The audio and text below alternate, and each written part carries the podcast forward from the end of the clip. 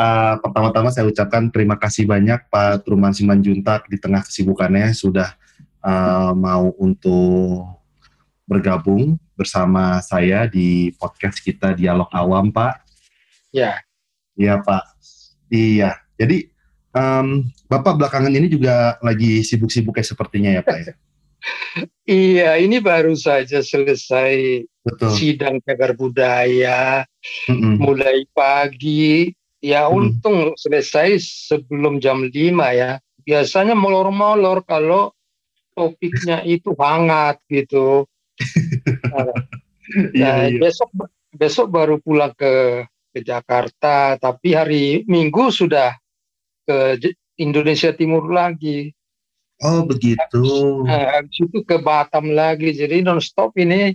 Mm -mm, Makanya tadi, kemarin saya pikir, wah kalau nggak sekarang ini ya susah lagi nanti cari waktunya gitu. Iya betul, karena apa saya juga biasa kan kalau sama Pak Truman itu kita baru bisa ngobrol itu uh, sekitar satu sampai dua minggu setelah kita janjian ya Pak ya. ya. Oh tiba-tiba Bapak ya. minta Kamis, waduh saya bilang ini cepat sekali gitu kan Pak. ah, tapi ya udahlah kapan lagi Pak dalam artian seperti itu Pak. Iya. iya. Makanya. Masalahnya bisa jadi satu bulan lagi atau bisa lebih. Itu gitu. dia, itu dia, itu dia. Kasihan sudah lama mengkontak gitu. Ya walaupun mulai pagi ya udah nggak apa-apa lah dinikmati aja gitu santai aja iya betul banget pak iya baik pak jadi um, kita di sini juga dalam artian ngobrol juga santai ya pak ya karena ya. Emang formatnya begitu pak kalau podcast kebanyakan jadi saya juga membuat ini senyaman mungkin untuk pendengar kita ya. yang ada di luar uh, dari segala kalangan gitu pak nah pak uh, pak Ruman sebagai seorang arkeolog tentunya kan um, pasti banyak berhadapan dengan mitos-mitos ya Pak ya. Dan ya. yang saya paling mau pertama, saya pengen tanya pertama itu adalah Pak, bagaimana tanggapan Bapak mengenai peradaban-peradaban Pak yang dianggap advance seperti Atlantis, Lemuria. Ini kan sangat banyak terjadi di ini ya Pak ya, di yeah. pop culture begitu ya Pak ya. Apakah Bapak memandang itu suatu yang memungkinkan mereka pernah ada atau sama sekali ini nggak mungkin gitu Pak? ini pertanyaan yang yang bagus yang yang seksi lah istilahnya ya. Begini, kalau soal peradaban Atlantis itu sudah menjadi wacana sejak lama sekali. Mm-hmm. Ya, bahkan di berbagai negara mitos itu ada. Mm-hmm. Setidaknya ada di lebih 30 negara. Ya, mitos Lemuria, mitos peradaban Atlantis itu ada dan sebagian orang meyakini kebenarannya. Ya, dan banyak juga para ilmuwan yang terseret pada pandangan kebenaran itu ya. Betul. Tapi saya ya berdasarkan pengalaman lah ya hmm. sebagai peneliti memang sudah cukup banyak menjelajahi Nusantara hmm. selain ya di luar ketika sekolah banyak kesempatan ke mana-mana saya harus berani mengatakan kalau peradaban Atlantis itu memang mitos ya. Hmm. Apalagi kalau ada yang mengaku lokasinya itu di Indonesia gitu. Betul. Ya, saya harus ter, terus terang mengatakan Indonesia tidak punya data tentang keberadaan peradaban itu. Ada beberapa buku sampai seorang profesor dari Brasil sana si Santos itu hmm. mengatakan ya di sekitar laut Jawa itulah pusat peradaban itu. Tapi dia tidak menunjukkan satu bukti pun tentang keberadaan peradaban itu semua menghayal dan semua dicoba dijalin sumber-sumber yang tidak ber landaskan evidence bukti gitu ya. Mm-hmm. Tentu kalau ada cerita semacam ini akan sangat menarik orang yang mendengarkan. Ya. Mm-hmm. Bahkan kita bisa mabuk dibuat itu karena apa? Ada semacam kebanggaan.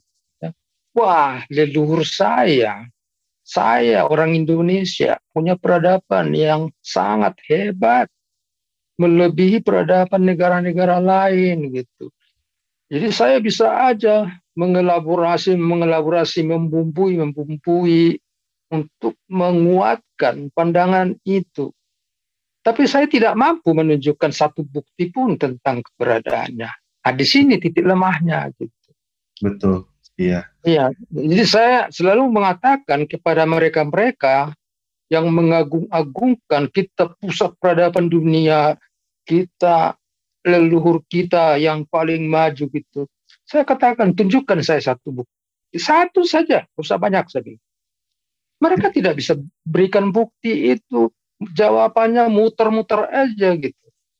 Iya. Jadi, dan saya pernah diundang ya, kalangan dokter-dokter yang pada senior-senior itu mm-hmm. berapa tahun yang lalu mungkin tiga empat tahun lalu saya lupa waktu itu di rumah sakit PGI Cikini ya jadi ada kumpulan dokter mereka grupnya ada dari UI ada dari itu macam-macam rumah sakit lah mm-hmm. mereka mengundang ingin tahu tentang peradaban Atlantis yang dihubungkan dengan Gunung Padang. Hai, betul. Iya. Iya. Jadi itu selalu dihubungkan gitu. Gunung Padang ya ceritanya macam-macam lah. Bahwa ada di dalam itu harta karun macam-macam. Ada bangunan gede di situ piramida macam. Iya. Saya katakan kepada para dokter itu diskusinya ya enak ya, hangat gitu. Uh -uh. Bapak Ibu dokter sesuatu yang di blow up tiba-tiba dan mendapat respon dari masyarakat luas itu akan cepat mati saya bilang. Hmm. Katakanlah empat lima tahun paling lama itu sudah hilang dalam ingatan. Tapi suatu ketika lagi muncul lagi nanti kalau ada yang meniup, saya bilang gitu. Hmm. Jadi yang namanya Gunung Padang apa segala itu, itu peninggalan leluhur benar. Tapi tidak ada piramida di situ. Leluhur kita tidak mengenal piramida. Dan mereka itu bukan bagian dari pencipta peradaban Atlantis. Tidak ada hubungan juga. Semuanya mitos, saya bilang begitu. Tidak ada bukti. Hmm. Ya, mereka mengerti gitu ya. Jadi ya mereka mengatakan ya kita mengundang supaya kita itu lebih tercerahkanlah, lebih mengerti ya, sebetulnya apa yang terjadi di zaman-zaman leluhur kita gitu. Jadi singkatnya ya saya akan mengatakan tidak percaya keberadaan Atlantis itu, Mas. Betul, Pak. Hanya karena buktinya sejauh ini memang satu pun tidak ada begitu ya, Pak ya? Tidak ada, tidak ada. Ah Kayak mereka ngaku di bukunya itu menemukan potongan apa, tapi tidak ditunjukkan. Jadi kalau mau konsisten, oke okay, tunjukkan. Mari kita beradu data, beradu argumentasi kan begitu ya. Tapi Betul. itu enggak, ini sepihak saja, hanya pengakuan begitu gitu. Iya. Saya rasa juga beberapa motivasi dari orang-orang juga membuat buku seperti itu, ya mungkin ujung-ujungnya memang duit sih pak ya. Dalam artian uh, hal-hal ini yang justru akan menarik banyak masyarakat untuk terjerumus juga ke lomba yang sama pak karena yeah. orang lebih suka mitos dibanding fakta gitu loh pak betul iya. betul yeah. jadi ya popularitas di satu sisi mendorong mereka ingin memblow up mitos-mitos seperti itu seolah-olah jadi kenyataan ya supaya namanya melambung supaya juga mudah mendapatkan uang.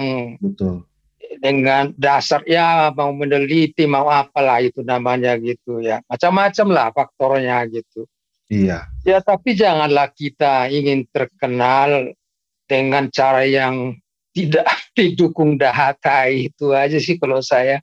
Lebih baik saya bekerja dalam kesunyian tapi memperlihatkan hasil yang bisa dipertanggungjawabkan secara ilmiah daripada saya berkuar-kuar di media, berkuar-kuar ke pemerintah. Eh dong, turunkan dong uang supaya kita meneliti ini supaya kita tahu bagaimana sejarah peradaban yang aduhai itu. Saya tidak ada kamu seperti itu, Mas. Betul, Pak. Iya. Memang apa ya? Sebagai peneliti itu kan memang sebenarnya semuanya itu kan science based atau ya, berdasarkan untuk fakta gitu ya Pak ya. Iya. Cuma betul sekali. Bahkan sekarang itu kan uh, juga malah dibuatkan acara televisi Pak, Ancient Aliens kalau Bapak mungkin pernah lihat di pernah, History, pernah, History Channel ya Pak ya. Iya. Ya. Terus Bapak reaksinya gimana Pak ketika melihat acara TV itu Pak? Nonsen semua ya Pak ya? Ya ada teman juga dokter Ko namanya speleolog dia selalu kontak saya. Ini bagaimana ini bagaimana gitu. Saya katakan sepanjang tidak ada bukti saya tidak akan percaya itu pak. Saya bilang gitu.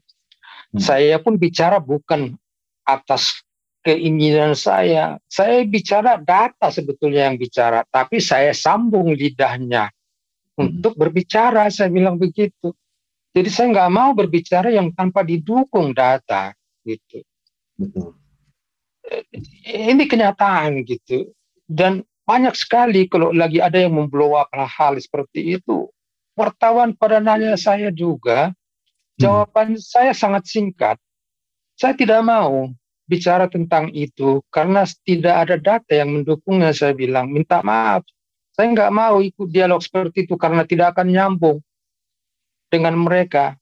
Mereka sudah a priori terus seperti itu, tidak percaya data.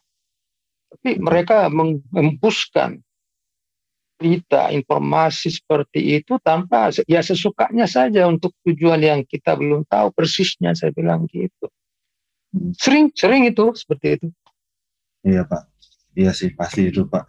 Dan sampai sekarang pun Atlantis itu kalau kita tahu juga ada mungkin berapa puluh tahun yang lalu isunya dan sampai sekarang pun masih relevan itu Pak. Di Iya, waduh udah lama sekali itu udah berapa iya. puluhan tahun itu sudah ada. Betul. Lebih dari 30, 34, 35 negara itu mengenal itu. Iya. Dan itu kan berdasarkan tulisan si Plato itu. Betul.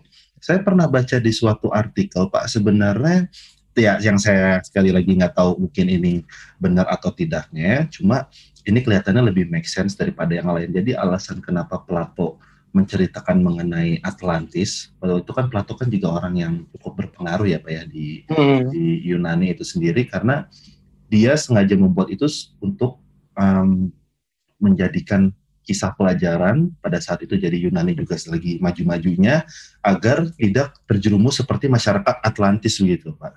Jadi itu sebenarnya kisah yang sengaja dimasukkan untuk uh, menakut-nakuti Yunani pada saat itu supaya tidak terjerumus dalam uh, gimana ya karena peradaban yang sangat maju jadi mungkin mereka juga apa berlaku sangat sombong dan sebagainya akhirnya hancur dengan sendirinya. Tapi entah gimana cerita itu terpisah dan akhirnya masih relevan hingga sekarang gitu pak. Ya unsur edukasinya yang memang ada di situ di cerita itu dan hmm. ada latar belakang sejarah yang tidak persis seperti yang diinterpretasikan orang. Hmm. Jadi kan daerah Yunani itu kan di perairan yang apa ada pulau Aegean itu ya, laut Aegean hmm. itu memang di sana ada sejarah-sejarah ya tentang kerajaan dan banyak tinggalan-tinggalan di sepanjang perairan Yunani itu. Hmm. Tapi itu dari periode di sekitar paling awal-awal Masehi gitu ya.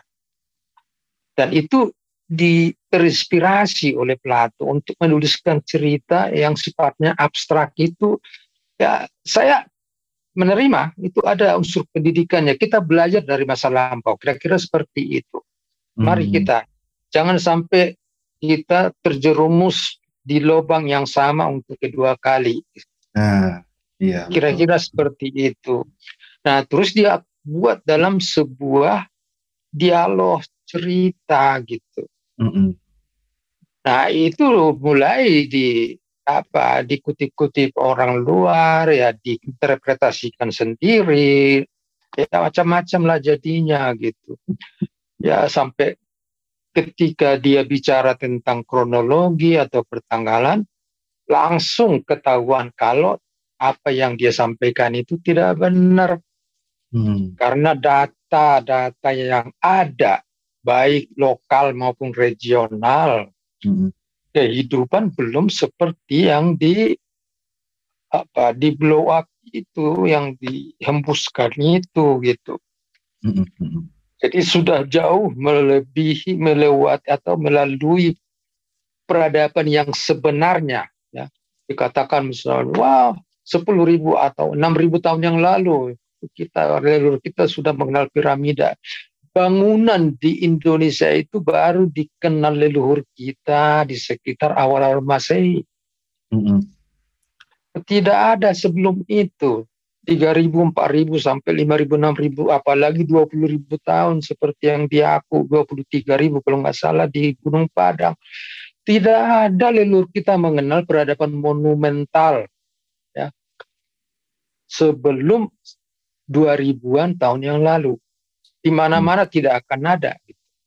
Hmm. Jadi ketika seperti itulah mereka langsung mentok gitu dan mereka tidak bisa jawab kalau sudah kita bicara data regional, data data-data faktual gitu.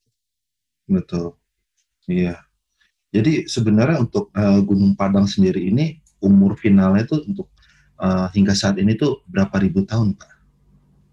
Ya ada ada disertasi itu yang siapa Lutfi namanya dari Bandung tentang itu saya belum sempat baca pertanggalannya tapi saya punya pendapat sendiri menurut hmm. saya kebudayaan megalitik yang di Gunung Padang itu mungkin sudah berkembang sejak awal-awal Masehi hmm. bahkan sebelumnya sudah ada kehidupan di sana yang disebut dengan budaya Neolitik ya hmm. mungkin 3000 tahun yang lalu ya Terus hmm. masuk unsur megalitik yaitu dengan kolumnar-kolumnar join itu. Hmm. Mereka memanfaatkan itu dengan mendirikan sebagai peringatan, sebagai tempat upacara, pemujaan terhadap leluhur gitu. Hmm. Nah, di sekitar abad-abad keempat sampai abad ke-8 Masehi kan di pesisirnya itu di bawahnya Gunung Padang pesisir utara itu berkembang kebudayaan Hindu-Buddha. Ya, Betul. seperti di candi-candi banyak itu yang di di pantai utara itulah. Tidak jauh itu. Di Gunung Padang di pegunungan bagian tengah Jawa Barat itu kerajaan Hindu-Buddha di daerah pesisir. Nah, ketika kerajaan Hindu-Buddha ini mulai istilahnya redup gitu, ya, sekitar abad ke-8 sudah tidak ada lagi berita tentang kerajaan Hindu-Buddha di pesisir itu. Hmm. Nah, ketika ini redup, budaya asli yang berkembang di pedalaman di pegunungan itu makin mendapat tempat untuk berkembang. Katakanlah ya sejak abad-abad ke-8 Masehi itu hmm. ya para apa populasi yang di sekitarnya ya termasuk yang di pesisir tertarik untuk mengembangkan kebudayaan megalitik itu. Hmm. Jadi menurut saya Gunung Padang itu ya itu tadi akarnya mungkin sudah ada sebelum megalitik sekitar 3000 atau paling tua 4000-an tahun yang lalu. Kemudian berkembang di abad-abad awal Masehi dan semakin berkembang setelah kerajaan Hindu-Buddha redup di pesisir utara sekitar abad ke-8 sampai ya 10 Masehi gitu. Hmm. Itu itu pendapat saya sementara dan saya memang ingin sekali menggali langsung di sana tapi belum ada kesempatan. Tujuan saya hanya untuk mendapatkan data kronologi, membuktikan apakah hipotesis saya ini benar apa tidak. Gitu. Iya. Uh, memang yang bikin menarik itu juga uh, ukurannya yang masif ya Pak ya. Itu ukurannya iya. sangat sangat sangat luas gitu Pak. Iya. Lalu belum juga memperhitungkan tumpukan-tumpukan batuan yang ada di sekitar situ yang juga makanya ini juga adalah pembangunan yang berangsur-angsur ya Pak ya sebenarnya iya. dalam waktu yang Jadi, tidak mungkin dibangun seketika plak iya. itu langsung jadi itu berproses ya berproses dan saya harus mengakui itu sebuah kearifan ya bagaimana hmm. leluhur kita itu bisa memanfaatkan benda-benda alam yaitu kolumnar join itu hmm. menjadi sarana untuk memenuhi kebutuhan spiritualitasnya gitu. Ya. Dan tidak mudah ya. Di situ terkandung banyak nilai.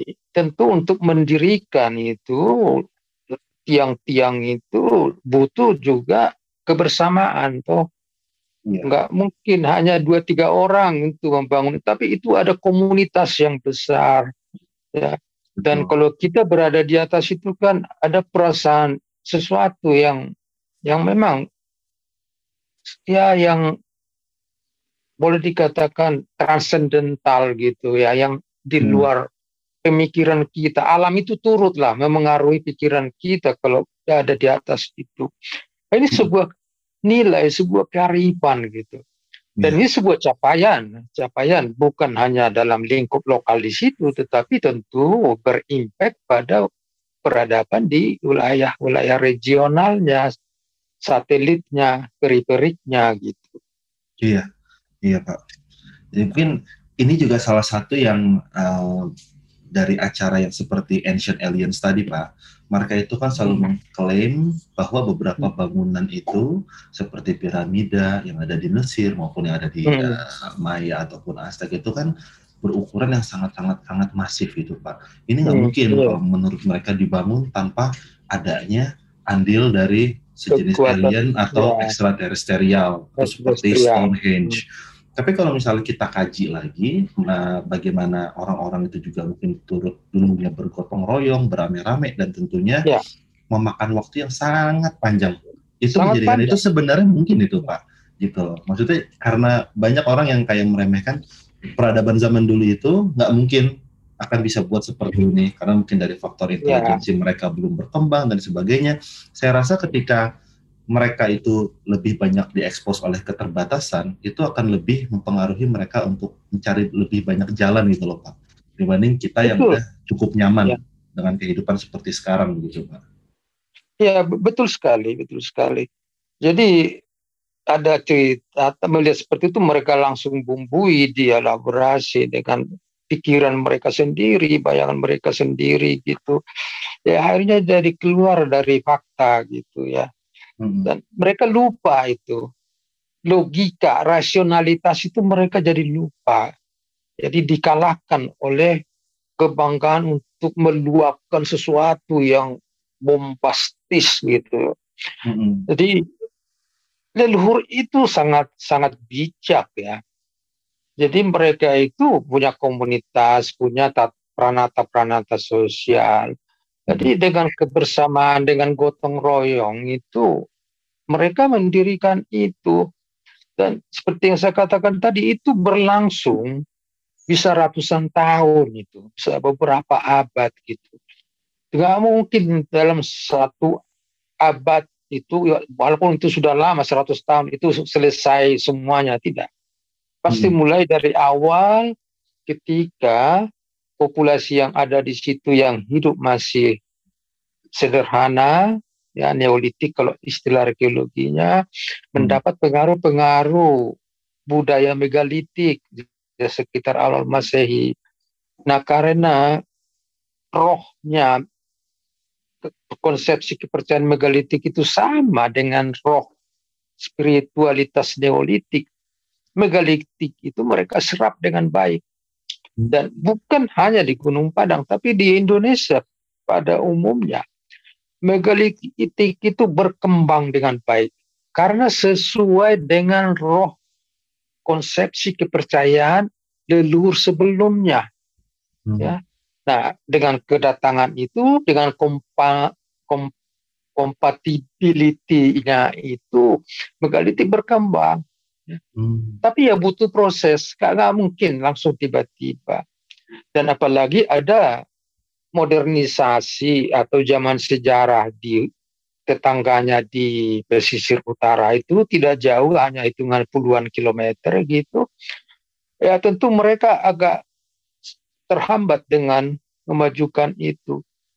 Ya hmm. sama aja dengan kondisi sekarang ketika hmm. di daerah pesisir ada kebudayaan pengaruh-pengaruh luar maju di situ, ini budaya yang lebih maju itu pasti merasuk, meresap ke pedalaman, mencoba memengaruhi penduduk-penduduk yang di pegunungan sana itu. Ya. Ketika sudah tidak ada lagi kerajaan Hindu-Buddha itu, ya semakin terbuka ruang bagi mereka untuk mengembangkan konsepsi kepercayaan mereka itu ah, yang sudah bertumbuh berakar sejak leluhur-leluhur mereka gitu. Ah iya iya iya iya, iya. Oh, iya betul sih Pak. Itu menurut saya itu alurnya juga masuk akal kalau seperti itu Pak. Eh, saya pikir lebih lebih rasional. Iya iya. Daripada betul. dikatakan di ruangan dalam itu ada piramide macam-macam bahkan iya. sampai harta karun untuk menarik perhatian SBY waktu itu Yes. Ya, mereka tahu kalau SBY itu percaya hal seperti itu ya sampai dia datang ke sana, istrinya pun datang ke sana, militer yeah. dikerahkan untuk gali-gali malah merusak itu. Tapi apa hasilnya? Hmm. Enggak ada. Iya ya, sangat disayangkan ya Pak ya maksudnya. Kalau iya. itu terjadi begitu loh. Seharusnya orang tuh benar-benar ekstra hati-hati untuk mereservasi gitu loh Pak hal-hal kayak gitu karena itu nggak akan keulang dua kali di zaman Betul. kapan pun gitu. Lalu ada salah satu periode juga Pak yang uh, belakangan ini uh, juga masih hangat gitu Pak. Terutama ini hal ini juga dicetuskan oleh salah satu jurnalis arkeolog Graham Hancock yaitu uh, tentang periode yang disebut Younger Dryas itu Pak. Bahwa uh, ada kemungkinan bahwa suatu peradaban itu pernah ada karena yang kita tahu yang Dryas itu kan efeknya sangat apa ya sangat merusak ya pak ya pada waktu itu gimana caranya yang uh, bumi sudah mulai hangat seharusnya menuju ke akhir dari zaman es lalu tiba-tiba balik untuk dingin lagi dan baru balik ke normal tanggapan hmm. bapak soal seputar periode itu bagaimana pak? Eh, itu ya data data yang ada itu itu berlangsung ya di sekitar 12 11 ribu tahun yang lalu ya. Hmm. Itu yang disebut akhir dari zaman es. Jadi dalam istilah geologi itu batas skala Pleistosen dan Holosen. Memang data dari berbagai disiplin juga menjelaskan memang ada perubahan temperatur yang sangat drastis hingga menyebabkan penurunan ya eh, penurunan muka laut yang juga drastis itu karena apa perubahan parameter lintasan bumi terhadap matahari jadi memengaruhi temperatur bumi juga memengaruhi iklim gitu. Bahkan menurut penelitian oceanologi itu penurunan muka laut itu bisa mencapai 120 sampai 140 meter dari hmm. muka laut sekarang. Hmm. Perhitungannya itu ya tepatnya sih para geolog mengatakan sekitar 11.800 ya sederhananya kita bilang aja sekitar 12 ribu, 11 ribu tahun yang lalu gitu. Sehingga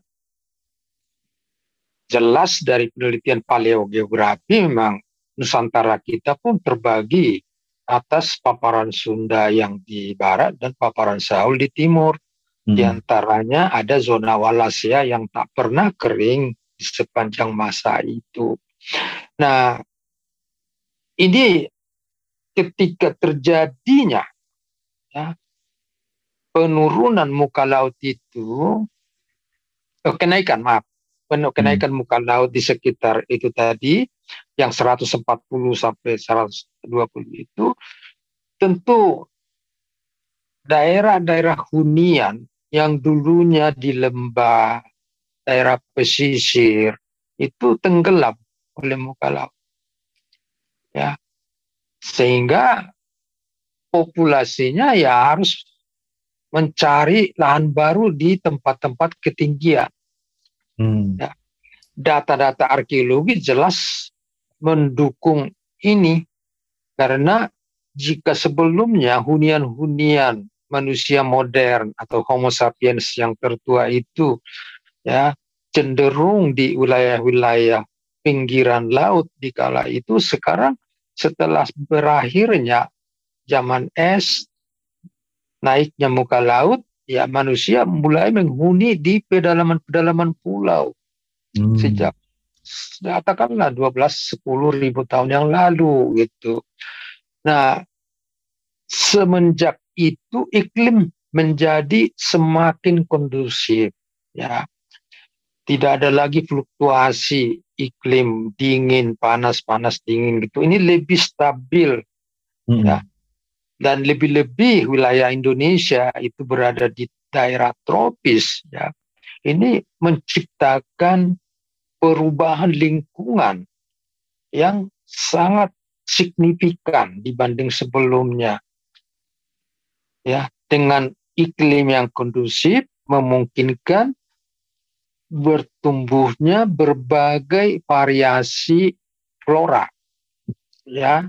Jadi keanekaragaman hayati pun menjadi subur ya hmm. tumbuh di berbagai pelosok Nusantara dan dengan keberadaan sumber daya flora, ya sumber daya fauna juga ikut berkembang.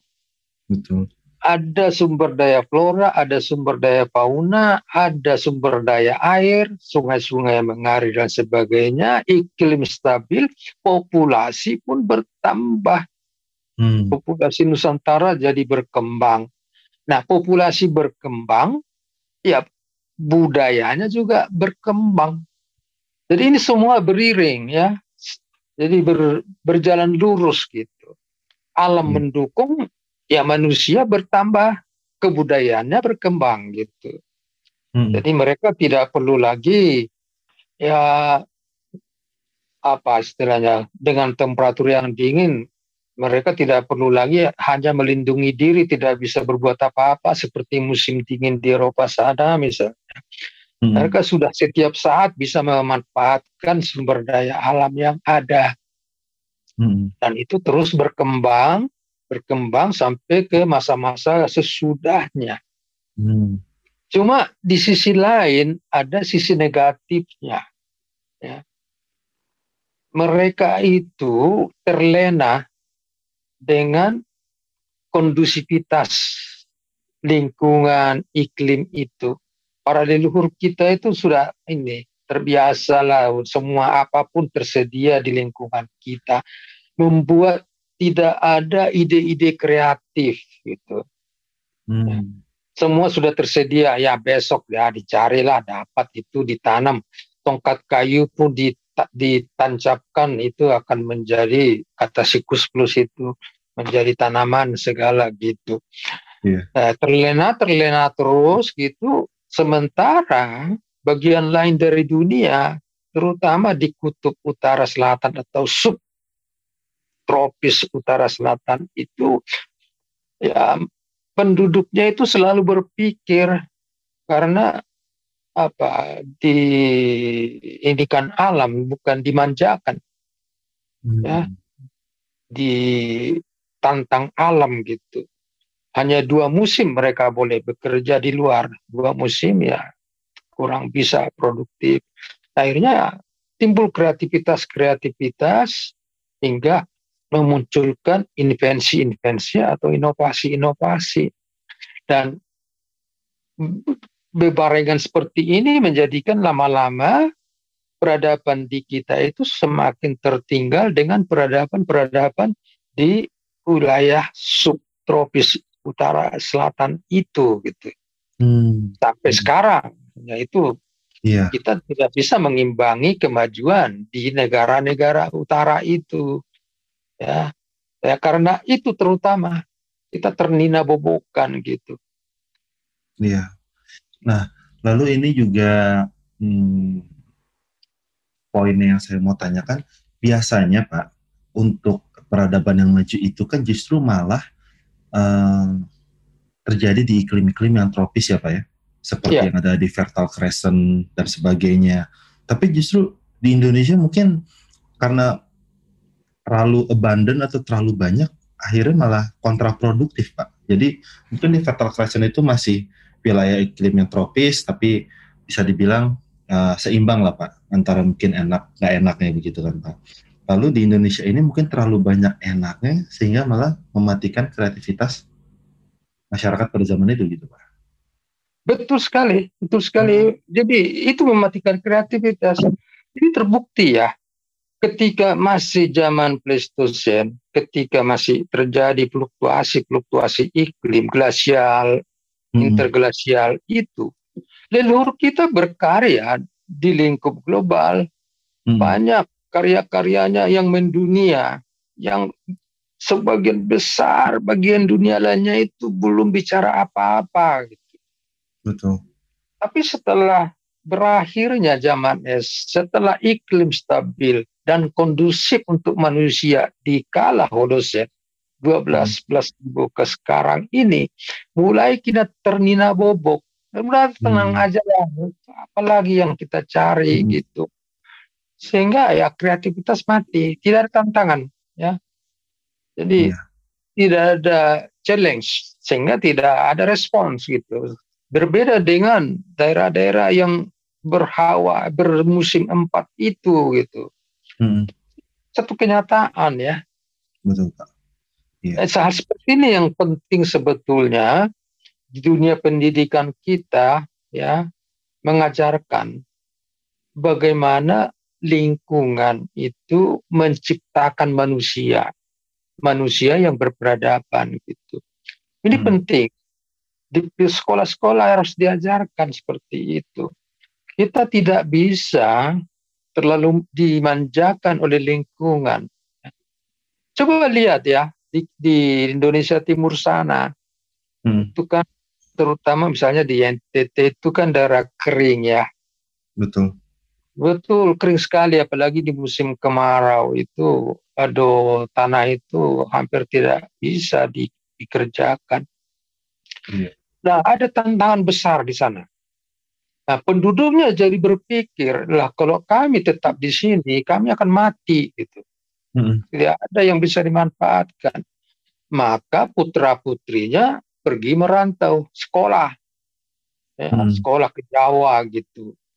Dan dengan tantangan di kampung halamannya mereka penuh semangat ya rajin melahirkan para pemikir nasional ya kan banyak itu ah, jago-jago pikir itu dari Indonesia Timur sana nah itu karena tantangan yang dihadapi di wilayah mereka akhirnya mereka keluar dari sana merantau merantau pun tantangan bagaimana supaya tetap survive, supaya bisa maju, sejajarkan dengan populasi lainnya atau paling tidak sejajar lah kalau bisa lebih.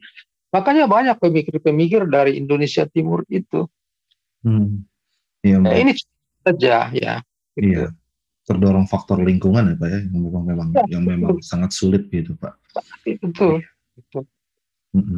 Nah Pak, uh, Indonesia itu kan tentunya juga mempunyai uh, sejarah yang panjang ataupun yang kaya mengenai uh, populasi yang ada di Nusantara dari zaman mulai Homo erectus bergiliran lalu ke Homo sapiens yang arkaik hmm. Hingga yang modern. Nah, yang saya jadi pertanyaan itu Pak, bagaimana uh, kedatangan uh, populasi itu bisa terus berangsur-angsur ke Indonesia seperti bisa dibilang Nusantara itu selalu terisi terus begitu Pak. Apakah mungkin mereka menunjukkan jalan ya begitu Pak ya? Kalau Homo erectus mungkin lebih kayak mungkin mereka uh, berpetualang atau mereka benar-benar mencari kehidupan yang lebih baik, akhirnya mereka ketemu Indonesia Pak. Tapi pada saat periode itu kan bisa saja kosong, nggak ada lagi yang nerusin. Hingga mungkin hmm. zaman modern baru terisi lagi. Tapi kondisi di Nusantara itu sepertinya akan selalu terisi terus begitu Pak Iya betul. Jadi hmm. memang ada rangkaian migrasi ya dalam yeah. perjalanan waktu itu memasuki Indonesia. Ya memang banyak faktor sih mengapa manusia itu bermigrasi atau berpindah mencari hmm. tempat baru. Hmm. Ya, yang pertama tentu ya karakter mendasar dari manusia itu sendiri. Manusia itu tidak pernah puas ya. Hmm. Selalu ingin mendapatkan sesuatu yang baru. Itu sudah nature-nya manusia. Tidak pernah puas dengan apa yang dia punyai selalu ingin mendapatkan, selalu dia ingin dihargai, selalu ingin ditampak dalam komunitasnya orang hebat, ya, bisa memengaruhi orang-orang lain dan sebagainya. Berbagai faktor ini menjadi apa pendorong mereka untuk mencari lahan kehidupan baru, ya. Hmm. Sampai betapa sulitnya pun alam itu mereka taklukkan hanya untuk menunjukkan ya saya hebat, saya mampu menemukan sesuatu gitu. Kalau Homo erectus mungkin saja mereka bermigrasi ke Indonesia bertepatan dengan masa glasial tadi. Yeah. Ya, muka laut turun, jembatan darat terbentuk, mm -hmm. dan kalaupun masih ada batas-batas uh, air laut di antara pulau sudah menjadi semakin dekat. Tapi itu pun sebuah perjuangan. Ya, tentu hmm. mereka menciptakan apa peralatan walaupun sederhana untuk bisa menyeberangi itu ini menunjukkan kemampuan ya untuk bisa menemukan lahan baru, penghidupan baru. Nanti penghidupan di tempat baru ya dia menjadi orang yang inilah penguasa lah istilahnya ya. Betul. Nah, nanti para keturunannya, anggota keluarganya semua akan masuk dalam lingkungan dia gitu. Nah, itu terjadi terus ya. Dan juga jangan lupa kondisi iklim pun tetap selalu memengaruhi ya. Hmm. Jadi kestabilan iklim di daerah tropis itu juga tentu menjadi salah satu faktor mengapa orang-orang itu selalu tertarik untuk datang ke ya, Indonesia dan hmm. daerah tropis lah umumnya gitu. Hmm. Ya.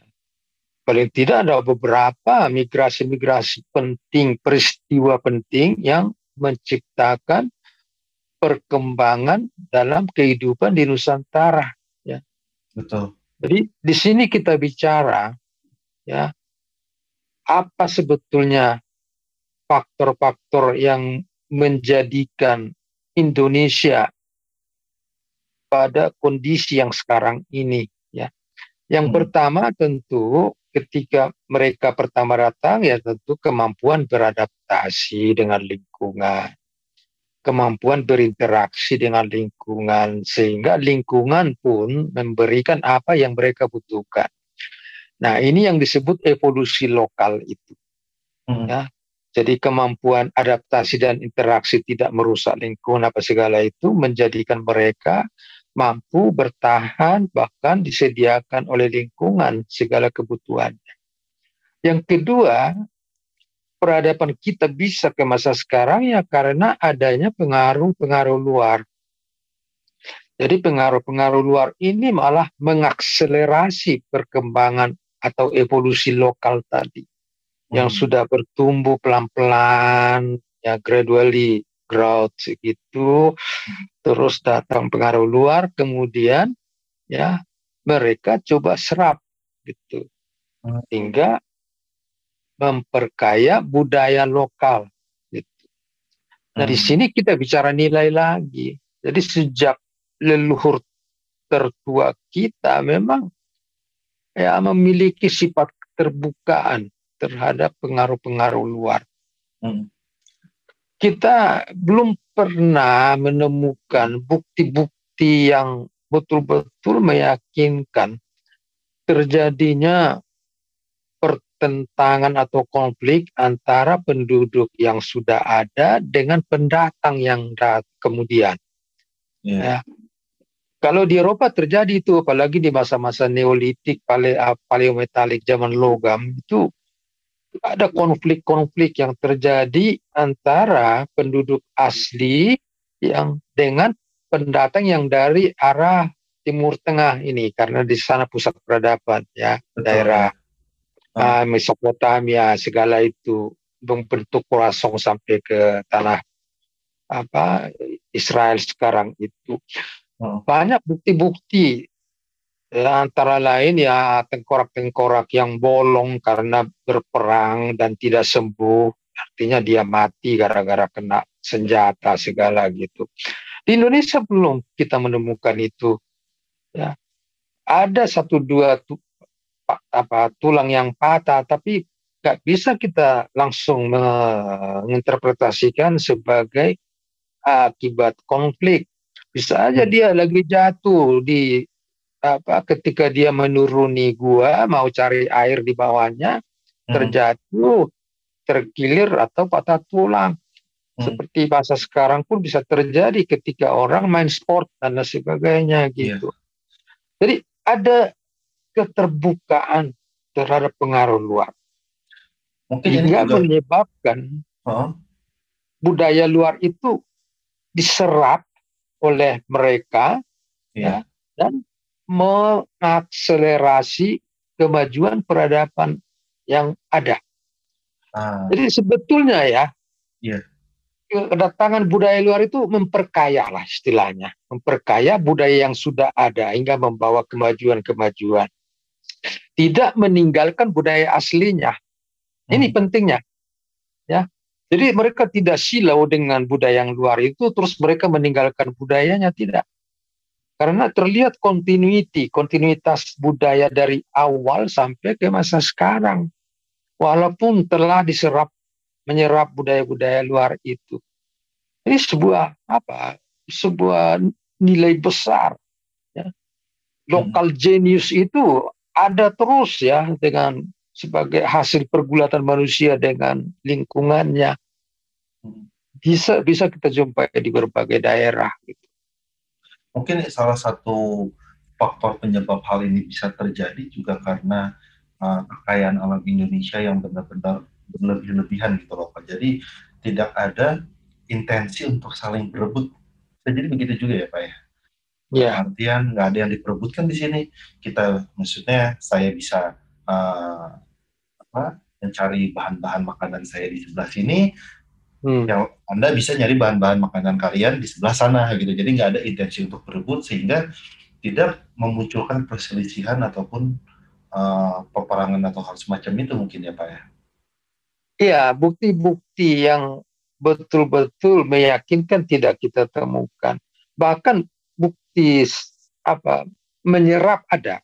Jadi misalnya ya kehidupan di gua gitu ya, hmm. itu kan dihuni pertama kali oleh ras Australo-Melanesit gitu. Hmm. Nah, kemudian Austronesia datang atau Mongolit datang ya, ras Mongolit. Dan menghuni gua. Hmm. Artinya apa? Ada perjumpaan antara ras Australomelanesit dan ras Mongolit di dalam gua itu. Entah itu yang bertutur Austronesia atau yang bertutur Austroasiatik. Jadi di situ di gua itu berkembang Neolitik, tapi ada percampuran antara budaya si Australo Melanesia atau Melanesit di bawah itu di lapisan hunian Neolitik tadi si. Mongolit itu alat-alat tulang yang dikembangkan oleh orang-orang Australo-Melanesia itu terus diserap pendatang itu orang-orang Mongolit itu masih terus bertahan bertahan sehingga ya, ya terjadi percampuran budaya hmm. bahkan bukti-bukti biologis juga memperlihatkan ada percampuran ya kawin silang di antara mereka walaupun tidak dalam presentasi yang tinggi gitu. Tapi ada percampuran-percampuran itu sejak kedatangan Mongolit atau Austronesia atau Austroasiatik itu sampai ke zaman-zaman logam di beberapa situs di Indonesia. Dan terjadi percampuran genetika di situ itu.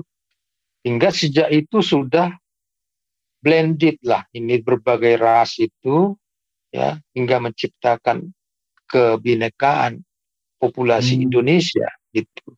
Jadi ini Dan adalah itu, ya ini faktor yang menyebabkan Indonesia itu bisa menjadi uh, multi ras itu karena itu sendiri ya Pak ya. Ya. Kita selalu menerima dan uh, indahnya perselisihan, akhirnya bisa ada persilangan, ataupun budaya yang existing tetap bisa lanjut dengan sendirinya, akhirnya menjadi multiras dari zaman yang iya. tadi ya. manusia awal sampai ke zaman uh, Hindu Buddha, Islam maupun kolonialisme Betul. dan seterusnya begitu ya Pak ya. Iya. Jadi hmm. akarnya itu ya sejak puluhan ribu tahun yang lalu gitu ya. Hmm. Jadi yang diawali oleh masuknya manusia modern atau Homo sapiens tertua itu. Nah, ketika mereka memasuki Indonesia pun sebetulnya tidak murni lagi manusia modern yang khas gitu, tapi sudah punya campuran-campuran genetika dengan manusia modern lain di benua Asia sana. Ya, hmm. sejak mereka keluar dari Afrika, itu manusia modern ini kan bercampur dengan mm-hmm. ya manusia-manusia yang sama gitu sambil terus bermigrasi bermigrasi sampai ke Indonesia. Nah di Indonesia kemudian ya ada evolusi fisiknya yang di sekitar akhir zaman es tadi itu sekitar 12-11 mm. ribu tahun yang lalu memperlihatkan karakter fisik yang berbeda dengan populasi-populasi di bagian dunia lain ya.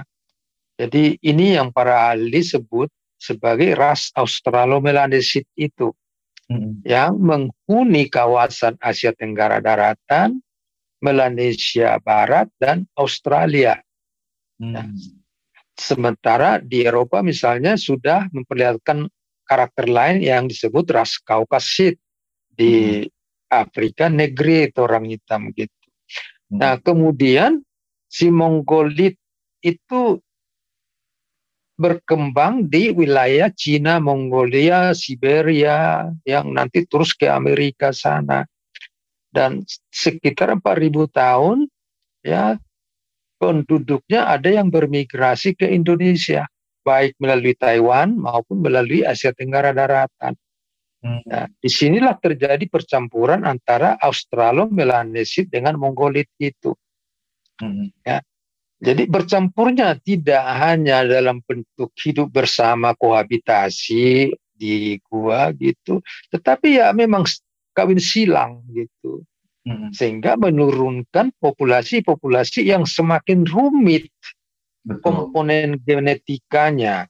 Ya. Nah, ini akan terus berlangsung terus ya dan iya. sekitar yeah. awal Masehi terjadi perkembangan besar di bidang pelayaran dan teknologi pelayaran hingga menciptakan mobilitas manusia di lingkup global. Hmm. Ya.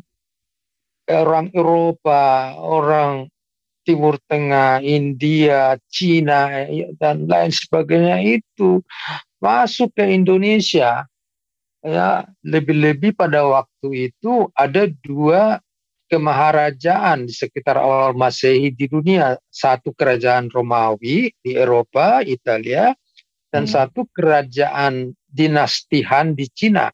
Hmm.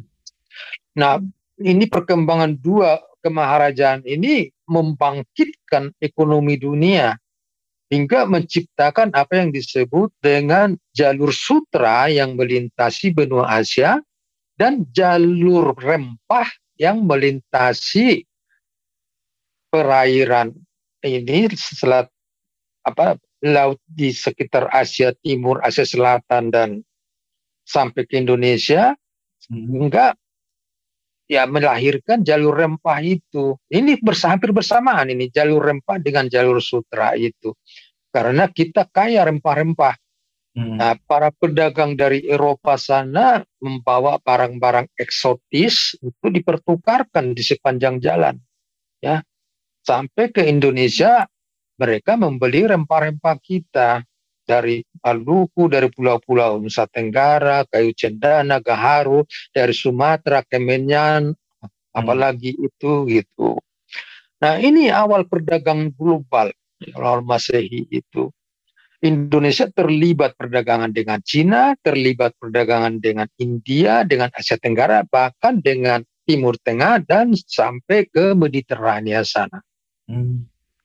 Ini Indonesia sudah terbuka pada dunia luar pada masa itu dan apa konsekuensinya? Mobilitas dari berbagai ras, berbagai suku bangsa itu tentu menciptakan silang-silang genetika lagi. Hmm, ya. Kedatangan Cina, India, Timur Tengah, Eropa, bahkan negeri negeri negro yang dari Afrika karena sejak itu sudah muncul aktivitas perbudakan di bawah orang-orang Eropa itu bercampur baur semua hingga semakin memperumit ya, kebinekaan populasi kita dan hmm. itu akan semakin rumit ya pada masa-masa kemudian ketika mobilitas semakin mudah semakin mudah hingga sekarang nah, itu ya. cerita panjang dari kebinekaan Indonesia kita ya, dan Tapi, ini iya ya, ya. tapi karakter asli itu tetap ada, hmm. tidak hilang. Hmm. Ya, hanya belakangan ini aja ada mulai sekelompok-sekelompok kecil yang merasa silau dengan budaya atau pengaruh luar itu sampai mau melupakan keindonesianya itu tidak benar, tidak bisa begitu. Kita ya. orang Indonesia kita bangga sebagai Indonesia gitu. Hmm. Iya. Dan apakah hal ini terjadi di belahan dunia lain, Pak?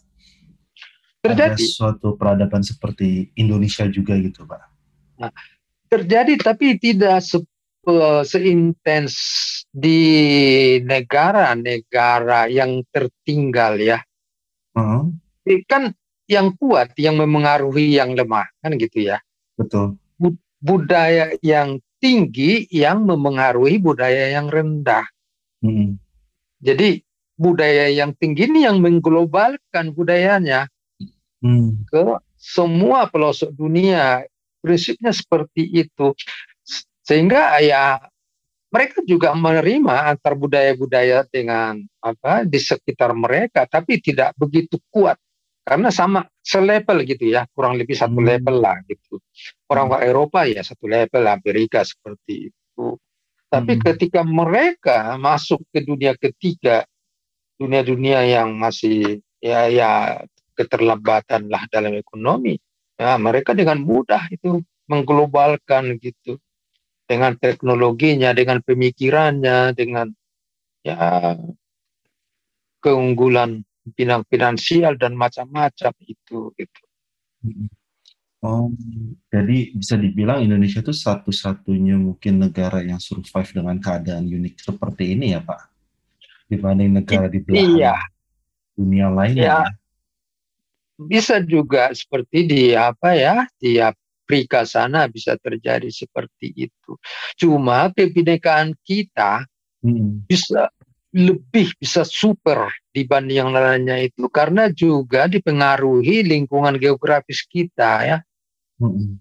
Jadi dengan keberadaan pulau-pulau yang dipersatukan laut itu tentu evolusi lokalnya lebih menonjol hmm. ya ya pengaruh luar lebih sedikit. Berbeda misalnya di benua Afrika sana, sesewaktu datang pengaruh luar tanpa kesulitan gitu, meresap hmm. gitu.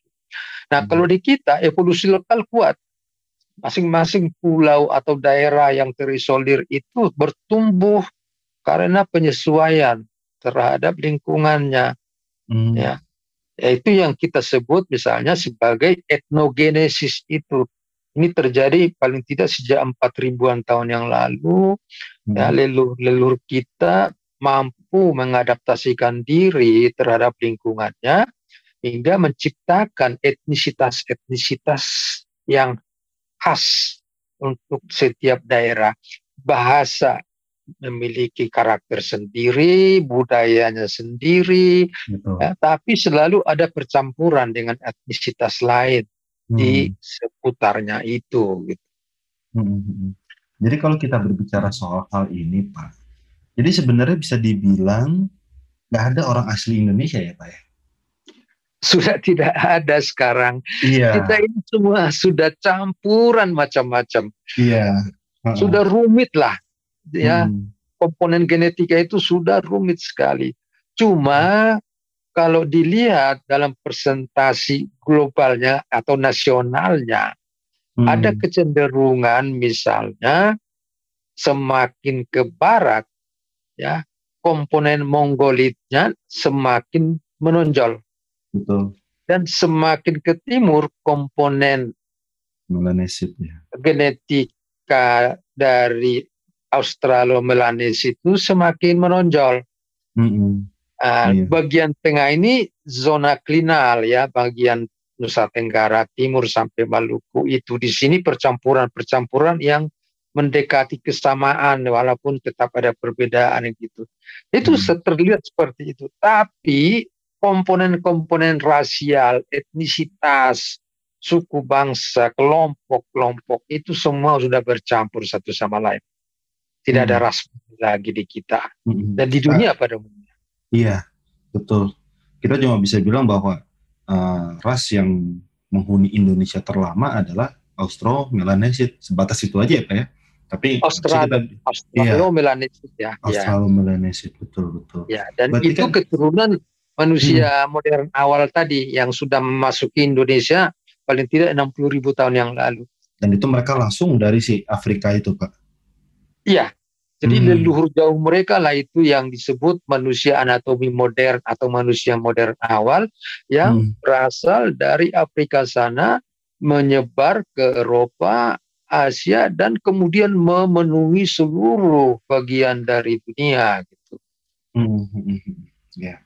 Nah, lalu saya mau bertanya untuk mohon maaf sebelumnya untuk pertanyaan yang mungkin sedikit sensitif. Hingga saat ini uh, Indonesia itu kan masih terkadang suka membeda-bedakan antara uh, ras pribumi dengan orang-orang yang ras bisa dibilang keturunan Tionghoa, Pak. Nah, menurut saya setelah saya juga baca buku Bapak, di uh, at some point kita semua pun juga berasal dari kalau nggak Taiwan atau dari Cina bagian selatan atau kita sendiri memang Austro-Melanesia begitu Pak ya. Tapi kayak kebanyakan yeah. orang dari saya yang tinggal di wilayah barat, kita kalau nggak keturunan yeah. dari mungkin Austro-Asiatik yang dari Asia Tenggara, atau kita keturunan yang dari Taiwan itu, secara nggak langsung dengan gamblangnya dan dengan sangat simpel kita bisa bilang ya, kita semua keturunan Tionghoa gitu. Jadi nggak ada keperluan untuk membeda-bedakan siapa yang lebih superior ataupun siapa yang enggak. Bisa dikatakan begitu nggak Pak? Tepat sekali itu tepat sekali aduh sudah jadi arkeolog nih. Iya, saya narik kesimpulannya. Jadi, iya, jadi yang pertama saya nggak mau ya terseret dengan apa bahasa-bahasa politis. Saya kurang suka menggunakan istilah pribumi. Saya lebih suka menggunakan istilah apa uh, Allah tonus dan autohton ya penduduk hmm. autohton autohton autohton itu artinya yang duluan penghuni Indonesia yaitu Australo-Melanesia itu hmm. allohton itu yang datang kemudian yaitu Mongoloid itu hmm. atau istilah umumnya indigenous people ya hmm. penduduk yang memang sudah duluan ada di Indonesia yaitu si Australo-Melanesia itu dan penduduk yang datang kemudian itu si Mongoloid itu nah hmm. untuk yang Mongolit ya benar tadi entah dia awalnya bertutur Austroasiatik atau Austronesia itu semuanya berasal dari Cina Selatan. Iya. Baik yang dari Taiwan maupun dari Asia Tenggara Daratan itu leluhurnya ada di Cina Selatan itu. Karena Cina Selatan ini juga salah satu pusat perkembangan peradaban awal dunia hanya beberapa di dunia itu. di sini memang ini lembah yang sangat luas dengan dialiri sungai Yangtze itu menciptakan peradaban yang dari awal sudah cepat berkembang dengan pertanian-pertanian. Bahkan agak hmm. ke utaranya ada sungai kuning itu juga pusat peradaban. Jadi ada dua sebetulnya pusat peradaban di Cina itu, tapi kemudian berhubungan. Satu di lembah Yangtze yang di selatan yang berba dekat perbatasan dengan Asia Tenggara Daratan. Satu Betul. lagi di Sungai Kuning, Yellow River agak ke utara. Nah ini berhubungan. Tapi pertama munculnya itu ada di wilayah yang bagian-bagian selatan ini gitu. Nah hmm. ini jadi kenapa? Eh, karena ketidaktahuan atau bagaimana atau karena kecemburuan atau faktor apa lagi kita itu merasa jadi bodoh gitu ya. Iya, apa-apa kalau sudah berbau Cina kok kayaknya alergi banget terus berkuar-kuar menanamkan kebencian apa segala. Dari iya. aduh bodoh banget. Kalau saya sih ngomong sendiri dalam hati aduh bodoh banget bangsaku ini. Padahal ini kita ini semua saudara gitu. Tapi kok bisa sampai hmm. begitu apa-apa yang berbau dari Cina itu dirasa yeah. sesuatu yang ada yang tidak pantas di Indonesia atau bagaimana gitu. Eh kan bodoh itu mas. Betul, kita menjadi bodoh gitu. Padahal kita saudara. Betul. Uh. Sejak empat ribuan tahun yang lalu kita masih satu leluhur dengan mereka.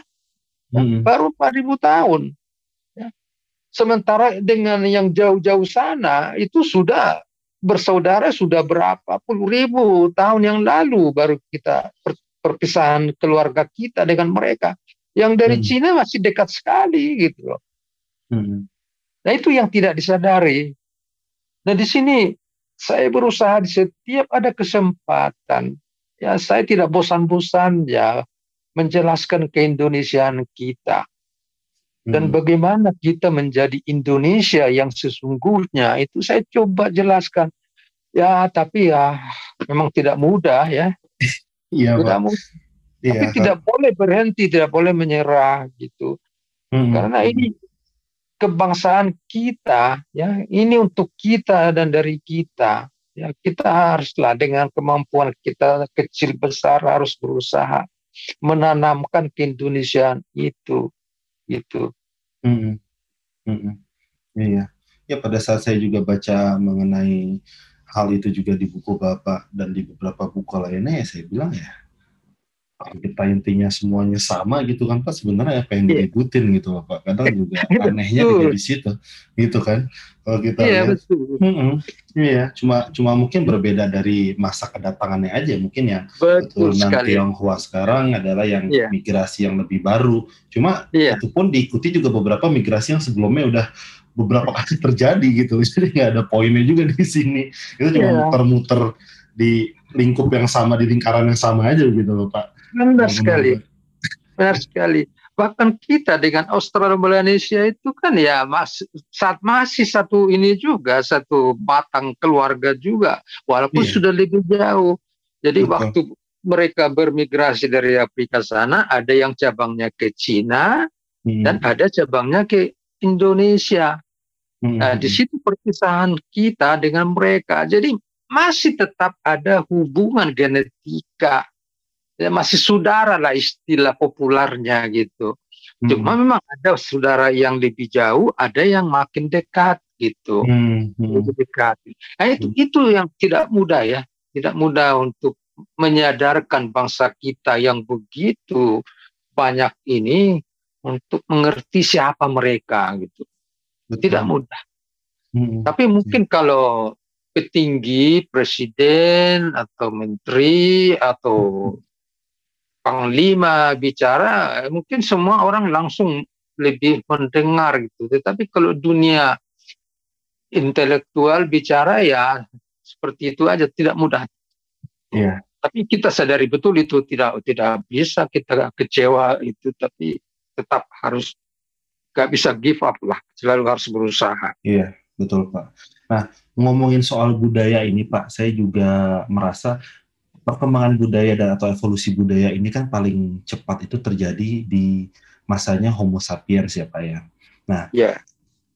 sebenarnya Pak uh, mungkin banyak teori, tapi mana Pak yang paling mendekati untuk menjelaskan apa yang membuat Homo sapiens itu secara intelektual itu bisa jauh-jauh lebih berkembang dibanding Homo erectus. Sepertinya pada zaman Homo erectus itu uh, perkembangan itu bisa dibilang ada, tapi uh, stagnan gitu Pak. Lalu pada saat Homo sapiens ambil alih, semuanya itu seperti berkembang sangat sangat sangat sangat sangat cepat gitu Pak. Bahkan ngelampauin evolusi biologi Pak. Malah kita evolusi budaya jauh di depan gitu Pak. Apa Pak sebenarnya yang men-trigger perubahan dalam mungkin uh, rangkaian otak kita yang berubah signifikan, Pak? Waduh, ini pertanyaan tingkat tinggi bagus sekali ini.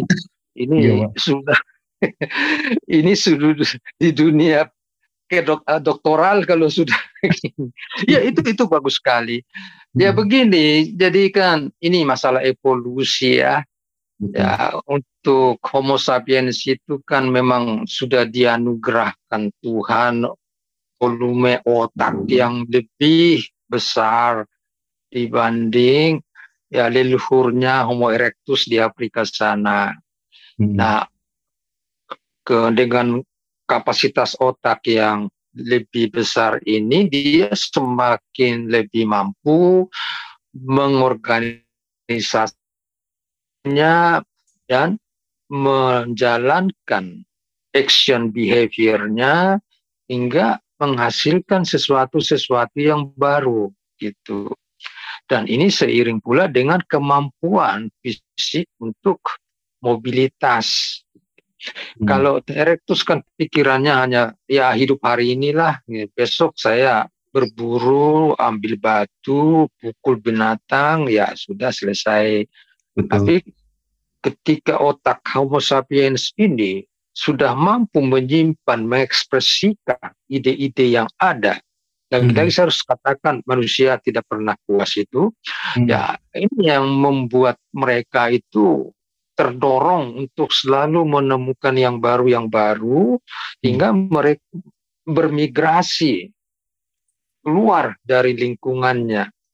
Ya, erectus itu tidak ada yang ini hanya erectus ya erectus hanya bisa keluar sampai dua benua ya. Afrika hmm. terus Asia dan Eropa. Tapi Homo sapiens sudah semua hmm. benua diduduki bahkan semua populasi dunia sekarang itu ya keturunan dari manusia modern yang dari Afrika itu gitu ya anehnya justru Homo sapiens ini berkembang dari atau berevolusi dari Homo erectus di di Afrika sana hmm. Homo erectus yang sudah bermigrasi ke Eropa atau ke Asia, terutama ke Cina dan Indonesia itu kelihatannya tidak mampu bertahan ya. Hmm. Jadi mereka punah gitu. Karena Ini pendapat iklim itu ya Pak ya.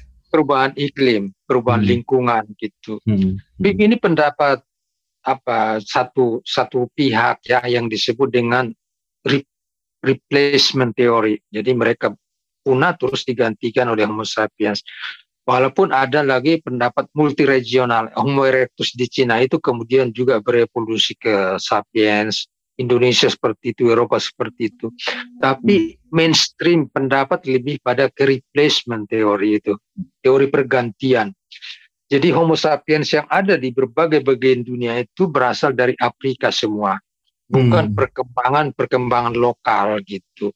Hmm. Nah, jadi ini kemampuan mereka berpikir itu yang hmm. menjadi motor penggerak mereka untuk menguasai dunia, menjelajahi dunia itu.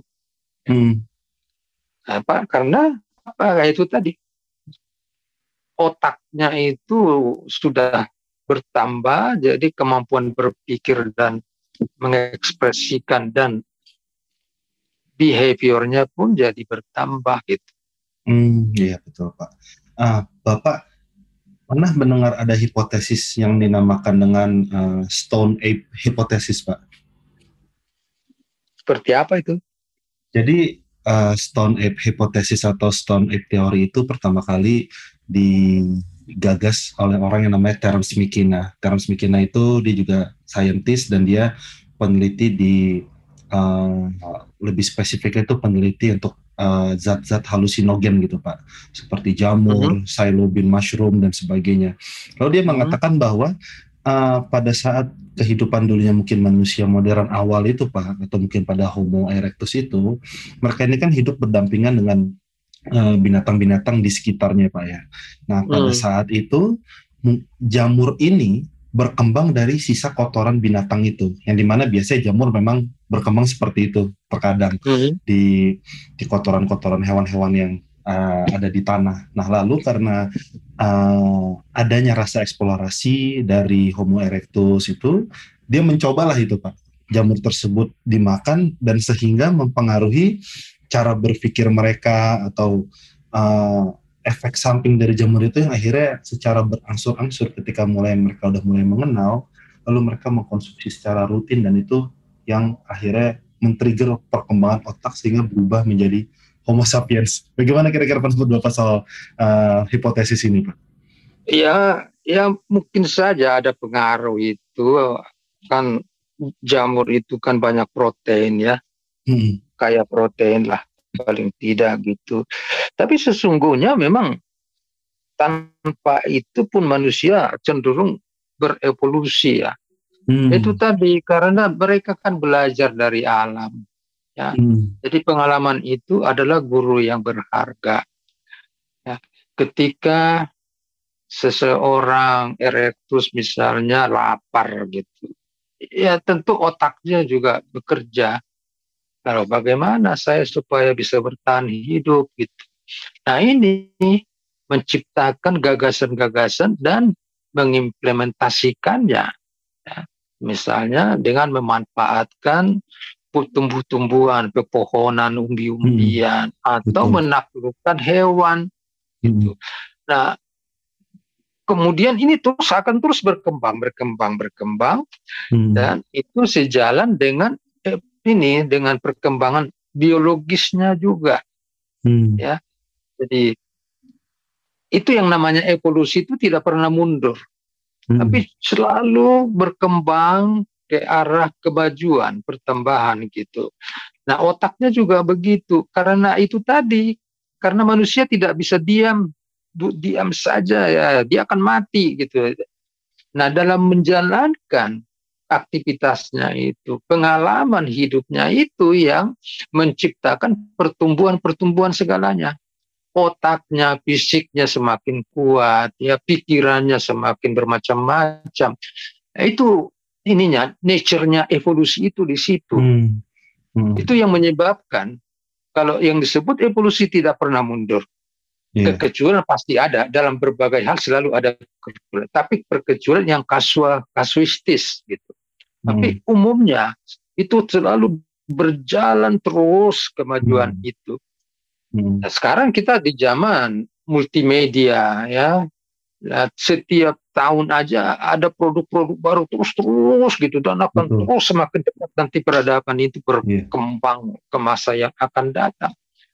Ya mungkin kita manusia manusia yang akan datang ini tidak butuh lagi kita bergerak karena semua main sistem tombol misalnya.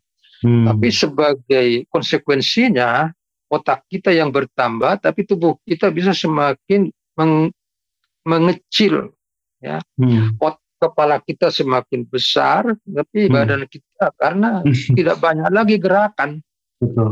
cukup yeah. kerja di rumah tinggal kirim-kirim sinyal ke mana-mana gitu untuk komunikasi gitu gigi pun menjadi kayak gigi susu lagi karena tidak memakan lagi bahan yeah. makanan yang keras-keras gitu Betul. Ya, bisa terjadi ke arah sana nanti perubahan fisik manusia otak hmm. terus bertambah, kebudayaan terus berkembang, tapi hmm. fisik ya tidak banyak berubah atau semakin berubah dari yang yang kekar yang mengandalkan tenaga di masa erectus makin hmm. mengandalkan otak ke masa-masa hmm. yang lebih kemudian.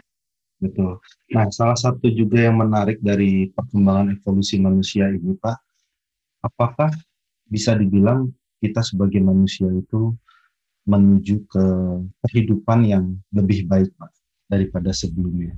Karena ada juga orang-orang yang uh, berspekulasi bahwa perubahan dari kita sebagai hunter gatherer menuju ke uh, zaman zaman apa saya lupa namanya um, zaman yang sudah mulai bisa bertani dan sebagainya Pak. Hmm. Ternyata um, itu juga tidak sepenuhnya membuat taraf hidup manusia itu ternyata lebih baik karena pada saat um, kita hidup di zaman hunter gatherer manusia itu cenderung untuk mengikuti diet makan dan minum itu yang lebih cenderung balance apa yang ada dari hutan itu bervariasi bisa hampir bisa dibilang semuanya apa yang bisa dimakan dimakan itu Kalau pada hmm. saat masanya kita menuju era-era awal pertanian dan sebagainya, manusia itu tiba-tiba uh, walaupun bisa di panggung zaman yang lebih maju, tapi kita cenderung makan untuk satu jenis makanan apa pun yang itu ditanikan gitu loh.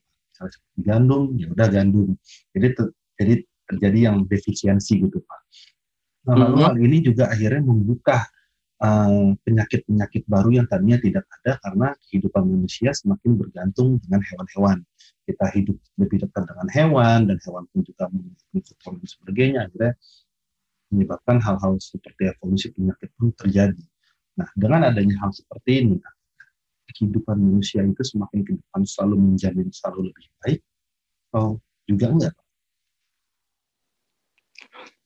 Ya, istilah baiknya ini agak apa ya pengertian Langsung. baik itu kan sangat sangat terbuka ya hmm. baik menurut kita belum tentu juga baik menurut orang lain atau manusia-manusia sebelum kita hmm. jadi masing-masing zamannya punya ukuran sendiri-sendiri Erectus walaupun dia misalnya hidup mengembara ya mungkin saja dia sudah cukup happy dengan kehidupan itu, menikmati hidup gitu.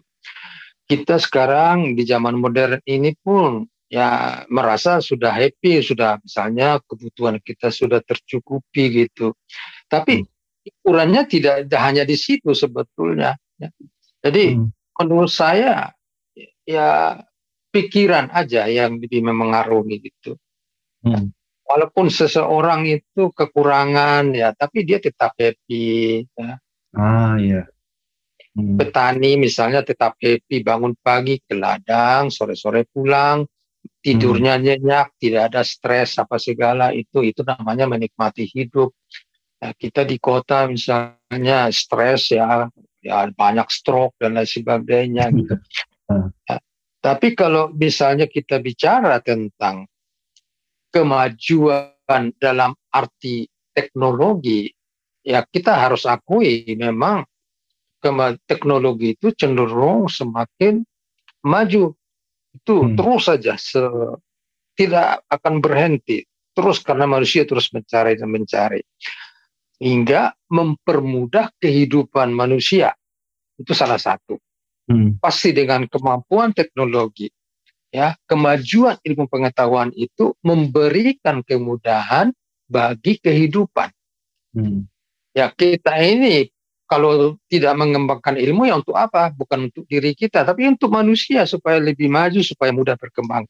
Tapi ya seperti tadi bisa juga pedang bermata dua.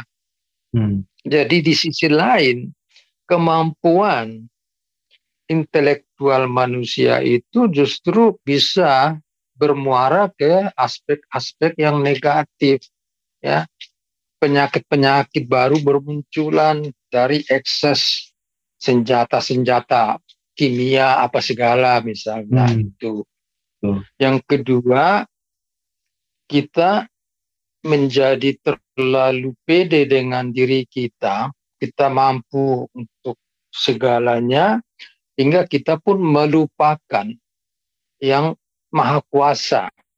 Hmm. Tidak percaya lagi pada ketuhanan. Hmm. Saat tidak ada itu Tuhan yang saya hidup bisa mampu dan mengurus diri saya sendiri. Bangsa saya juga begitu, tidak perlu lagi kita ber, apa mempercayai ada kekuatan yang maha kuasa gitu-gitu itu. Hingga hmm semakin menambah orang-orang yang ateis gitu. Hmm. Itu tidak bisa dihindari.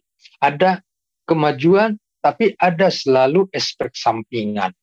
Nah di hmm. sini barangkali ya bangsa setiap bangsa perlu melihat fenomena-fenomena semacam itu ya. Jadi janganlah ya manusia semakin lupa diri semakin melupakan dari mana dia datang. Ya. Hmm. Karena kalau dia mau berpikir secara rasional, ya, bagaimana matahari bisa berjalan teratur, bagaimana oksigen bisa tersedia di alam ini tidak pernah kehabisan, pasti ada yang mengaturnya, hmm. ada kekuatan besar yang maha kuasa yang mengatur itu. Bagaimana kita tidak jatuh ke atas? Ya, ada gravitasi dan macam-macam lagi. Itu semua ya, desain, grand design ya dari yang maha kuasa. Nah, mestinya ini selalu kita ingatkan. Ya, selalu ilmu pengetahuan harus bicara ke sana jangan melupakan semua gitu merasa paling tahu semua itu tidak boleh gitu yeah. jadi keblinger nantinya ya betul, manusia jadi keblinger lupa segalanya ya sejadinya ya yang ma yang maju menekan yang yang lemah ya terjadilah yeah. perang kepentingan ya hancur dunia itu gitu yeah. Hmm. menurut saya sih pemikiran saya begitu. Jadi di, hmm. di samping ada kemajuan-kemajuan pasti ada efek-efek samping yang hmm. bisa muncul. Bahkan kalau itu dibiarkan akan mendatangkan akibat atau dampak yang besar bagi kemanusiaan. Hmm, betul Pak, betul Pak. Mungkin kalau kita lihat dulu periode ribuan atau puluhan ribuan tahun lalu manusia cenderung akan punah itu karena alam ya Pak ya tapi kalau sekarang kayaknya karena perbuatan manusia sendiri yang akhirnya bisa memusnahkan diri kita sendiri gitu Pak. Tepat sekali, tepat yeah. sekali. Nah, jadi kalau dulu itu cenderung karena faktor alam ya mereka yeah. Tidak mampu lagi mm-hmm. menyesuaikan diri atau epidemi. Yeah, Bayangkan epidemi. misalnya uh, seperti pandemi sekarang, kalau terjadi di masa ratusan atau puluhan ribu tahun yang lalu, hmm. ketika tidak mengerti nutrisi, tidak mengerti obat-obatan apa segala, hmm. Seketika bisa habis semua. Hmm. Tapi dengan kemajuan teknologi sekarang ya manusia berusaha mengatasinya, sehingga hmm. tidak betul fatal menghabiskan populasi dunia. Tetapi justru yang mengancam itu bukan dari alam, dari perbuatan manusia sendiri. Itu dia, Pak. Iya. Negara hmm. kita misalnya negara superpower, punya semua senjata. Ya, dengan mudahnya kita ingin menguasai bangsa-bangsa lain. Yeah. Ya, terjadilah konflik-konflik kepentingan di lingkup global. Nah, hal seperti ini yang ditakutkan. Perlombaan senjata untuk setiap bangsa itu ya sangat membahayakan gitu. Iya karena mungkin sifat manusia tadi yang selalu ingin eksplor, ingin tahu, terkadang mereka lupa dengan ego mereka sendiri gitu. Bisa membawa hmm. masalah yang jauh lebih besar gitu kan Pak. kita Betul. Iya. Nah, lalu Pak berbicara tentang uh, urutan kehidupan manusia ini kan biasanya kita urutan perkembangan peradaban itu kan dari hunter gatherer lalu menuju agriculture lalu di situ bawa baru evolusi budaya yang terjadi uh, seperti kebutuhan spiritual, lalu ada masa-masa megalitik dan sebagainya begitu Pak ya. Nah cuma di satu peradaban hal ini malah justru kebalikan ya Pak, seperti yang terjadi di Gobekli Tepe ya Pak. Di mana? Di Gobekli Tepe yang ada di Turki. Di mana itu? Gobekli Tepe. Oh di Turki ya? Nah, itu kan banyak orang itu yang bilang justru pada zamannya hunter gatherer ini orang-orang malah sudah membuat tempat-tempat uh, seperti peribadatan atau seperti pemujaan spiritual dan itu di zaman yang belum ada uh, budaya apa logam dan sebagainya jadi orang-orang ini memang membangun uh, situs megalitik lalu lengkap dengan ukiran-ukirannya di zaman yang seharusnya itu nggak terjadi gitu pak. Hmm. Nah jadi itu apakah hal itu mungkin bisa merubah pandangan kita yang saat ini selalu bilang kalau ini ada ada urutannya, oh tapi ternyata dengan ada situs ini sepertinya nih ada perubahan gitu loh pak. Ya, yang jelas ya dalam teori-teori kebudayaan hmm. hanya budaya yang mendapat tempat dalam alam pikir manusia yang bisa berkembang. Hmm. Ketika ada suatu budaya diciptakan, tapi tidak membawa manfaat bagi kehidupan manusia itu, hmm. itu disebut sebagai produk idiosinkretik, produk hmm. yang kebetulan gitu, yang artinya tidak memiliki impact apa-apa dalam memajukan kehidupan manusia. Nah, itu hanya produk-produk ya apa deviasi, produk kecel apa ke, kecelakaan kalau boleh dikatakan demikian. Jadi ber, apa diciptakan begitu itu ya paling pengaruhnya hanya di lingkup kecil lokal dan kemudian tidak berkembang dan mati gitu. Hmm. Hanya kebudayaan-kebudayaan yang mendapat tempat di hati manusia, hati masyarakat atau populasi dari yang lingkup kecil ke lingkup global itu yang betul-betul mengalami kemajuan perkembangan bagi manusia gitu. Hmm. Bisa terjadi seperti itu hmm. ya. Bahkan dari di dunia arkeologi banyak contoh-contoh produk-produk idiosinkretik yang hanya ditemukan di satu situs, tapi hmm. tidak ada lagi setelah itu di situs lain tidak ada. Hmm. Ya, itu mengat ingin mengatakan bahwa apa yang dihasilkan itu ya hanya produk aksidental gitu. Hmm. Jadi tidak mendapat tempat di hati populasi lingkungannya, apalagi populasi yang lebih luas lagi gitu. Hmm. Jadi apa yang disampaikan di Turki tadi saya kurang tahu seperti apa itu. Yeah. Tapi kalau memang itu kebudayaan yang membawa impact besar ya dengan diciptakannya, terus mestinya udah meluas ke mana-mana gitu. -hmm. Tapi kalau tidak meluas berarti ya itu tidak membuat sejarah. Dia iya. berhenti yeah. pada zaman Hmm. Dia bicara yeah. hanya untuk dirinya sendiri, bukan untuk diri kemanusiaan atau populasi dunia. Gitu. Ah iya, berarti memang uh, kita tuh juga harus tahu ya Pak ya bahwa setiap perkembangan peradaban pun ada ada faktor unik sendiri-sendiri ya Pak ya. Gak bisa kita ya, ya. Gak bisa kita ya. kenapa yang ada di Indonesia 100% terjadi di Afrika maupun di Amerika Betul. karena ada faktor-faktor unik sendiri dan kadang itu pun juga uh, perkembangan yang lokal di wilayah itu begitu ya Pak ya? Iya. Hmm. Iya. Nah Pak Jadi, sebagai dan itu ya, kan sifatnya uh, universal ya. Betul. Iya. Budaya itu sifatnya universal. Mm-hmm. Di samping ada kandungan-kandungan lokal di setiap setempatan gitu. Mm-hmm. Tapi kalau dilihat ada kesamaan unsur mm-hmm. untuk lingkup Betul sama aja. Bahasa hmm. seperti itu, gaya seperti itu, fisik hmm. manusia juga itu karakter umum itu ada, hmm. pangkalnya itu ada. Kemudian hmm. berkembang kembang dengan karakter lokal atau kewilayahan sampai hmm. ke masa sekarang ini gitu. Hmm. Betul Pak. Iya. Nah Pak, uh, karena Bapak adalah sebagai seorang arkeolog dan juga senior dan juga peneliti, sejauh apa Pak um, misteri arkeologi di Indonesia itu sudah bisa dibilang diselesaikan atau sudah terjawab atau kita atau Indonesia itu hingga saat ini masih menyimpan banyak misteri yang kita belum ketahui Pak. Begini Mas, semakin banyak kita temukan, semakin banyak yang kita tidak tahu. Hmm. Kenapa?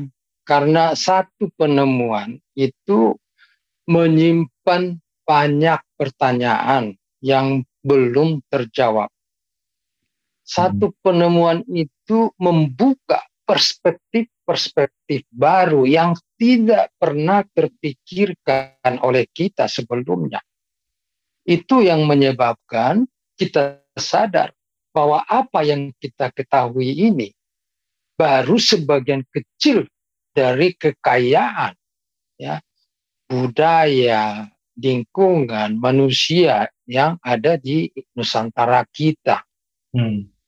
Masih lebih banyak yang terpendam, tersembunyi dibanding yang sudah dapat terekspos, terangkat, dan termaknai. Itu hmm. pasti sekali. Tidak pernah ketika kita menemukan sesuatu yang baru berakhir di situ. Tidak yeah. pernah. Karena dia menjanjikan. Ya meneliti itu kan berdialog ya dengan temuan kita. berdialog itu tanda petik, bukan berarti benda itu bicara langsung dengan kita. Berdialog itu artinya kita coba mengajak dia bicara, meneliti atribut-atributnya seperti apa, konteksnya seperti apa, ya kaitan-kaitan ruang, keruangan spasialnya seperti apa. Nah, dia bicara sendiri dari kemampuan kita menggali ya nilai-nilai apa yang dia kandung. Hmm. Nah, itu sebabnya banyak hal-hal yang jadi kita tidak tahu dan ingin tahu dengan keberadaan temuan itu gitu. Ya pastilah sudah banyak kemajuan ya, apalagi kalau misalnya di bidang arkeologi itu kan sudah berkembang sudah lebih dari 100 tahun lah di Indonesia.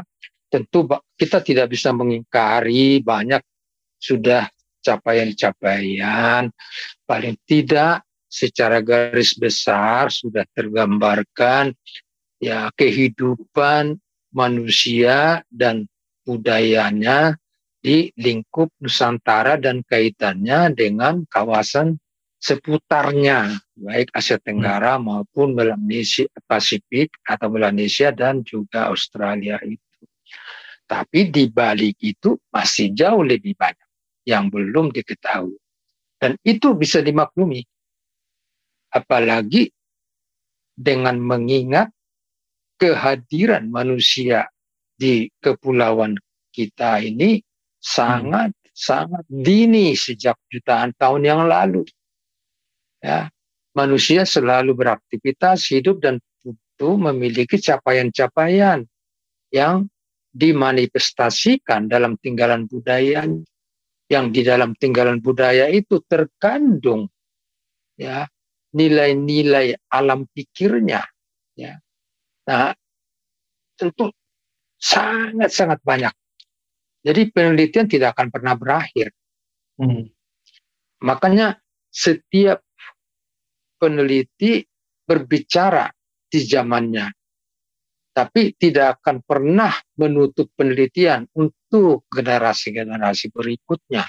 Justru membuka ruang yang lebih luas lagi kepada peneliti-peneliti di belakangnya. Iya. Ya.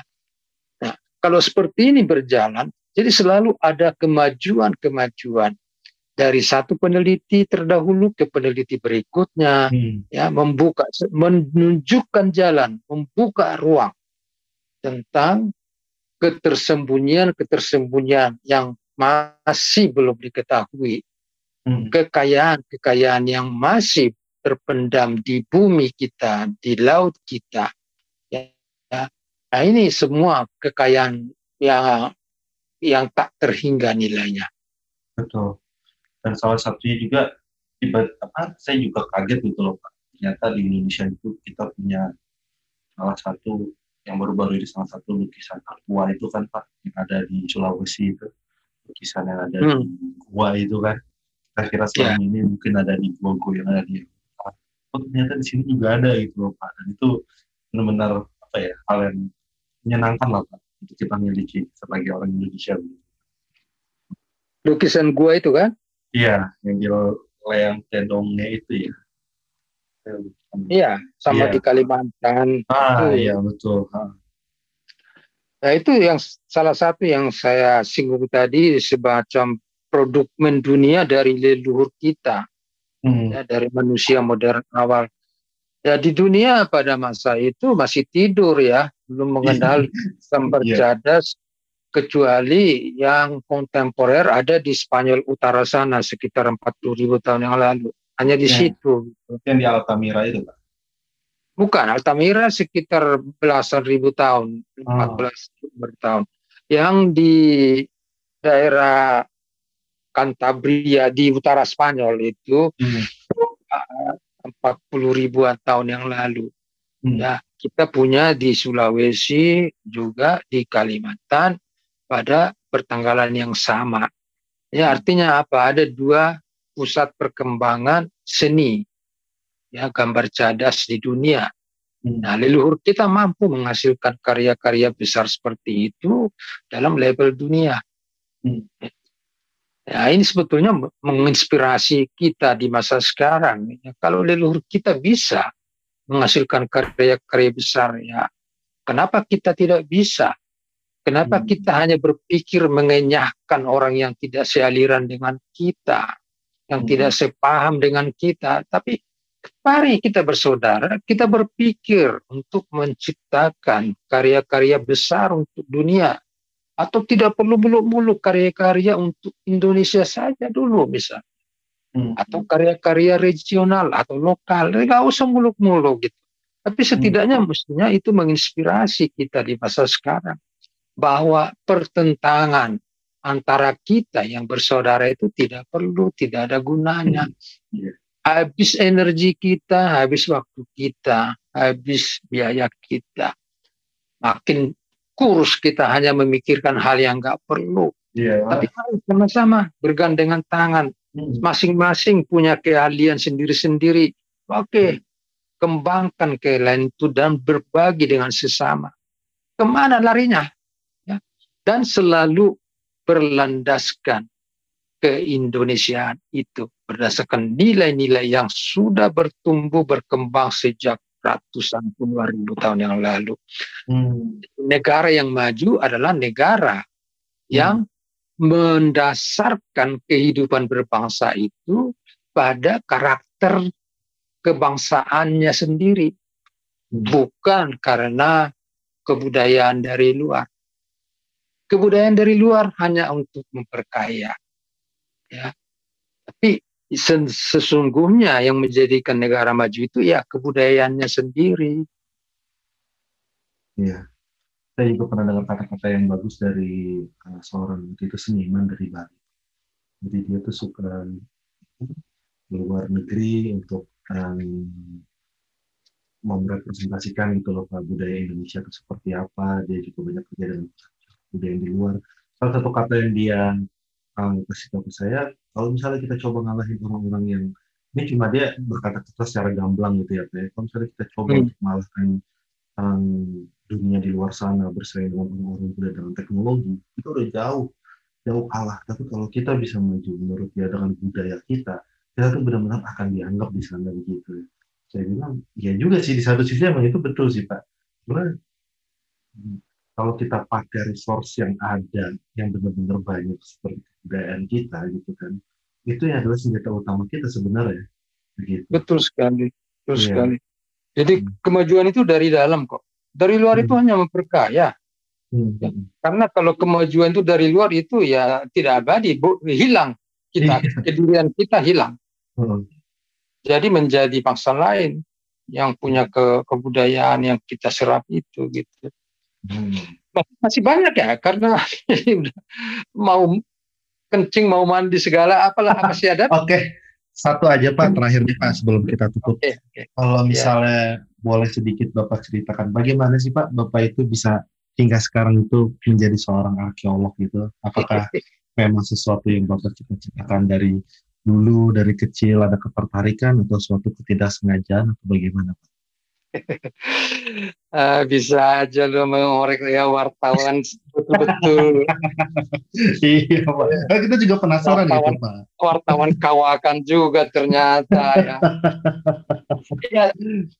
Sederhana aja sih sebetulnya ya. Ya, hmm. tapi tentu ada triggernya gitu ya. Hmm. Pasti kalau kita menginginkan sesuatu itu pasti ada triggernya. Hal yang sama kalau apa uh, arkeologi yang saya geluti itu. Jadi ketika masih di sekolah dasar ya, dulu sekolah rakyat namanya, hmm. dia masih sekolah rakyat itu di kelas-kelas 4 kalau saya tidak salah, hmm. ya guru itu mengajarkan Candi Borobudur gitu di ruang kelas.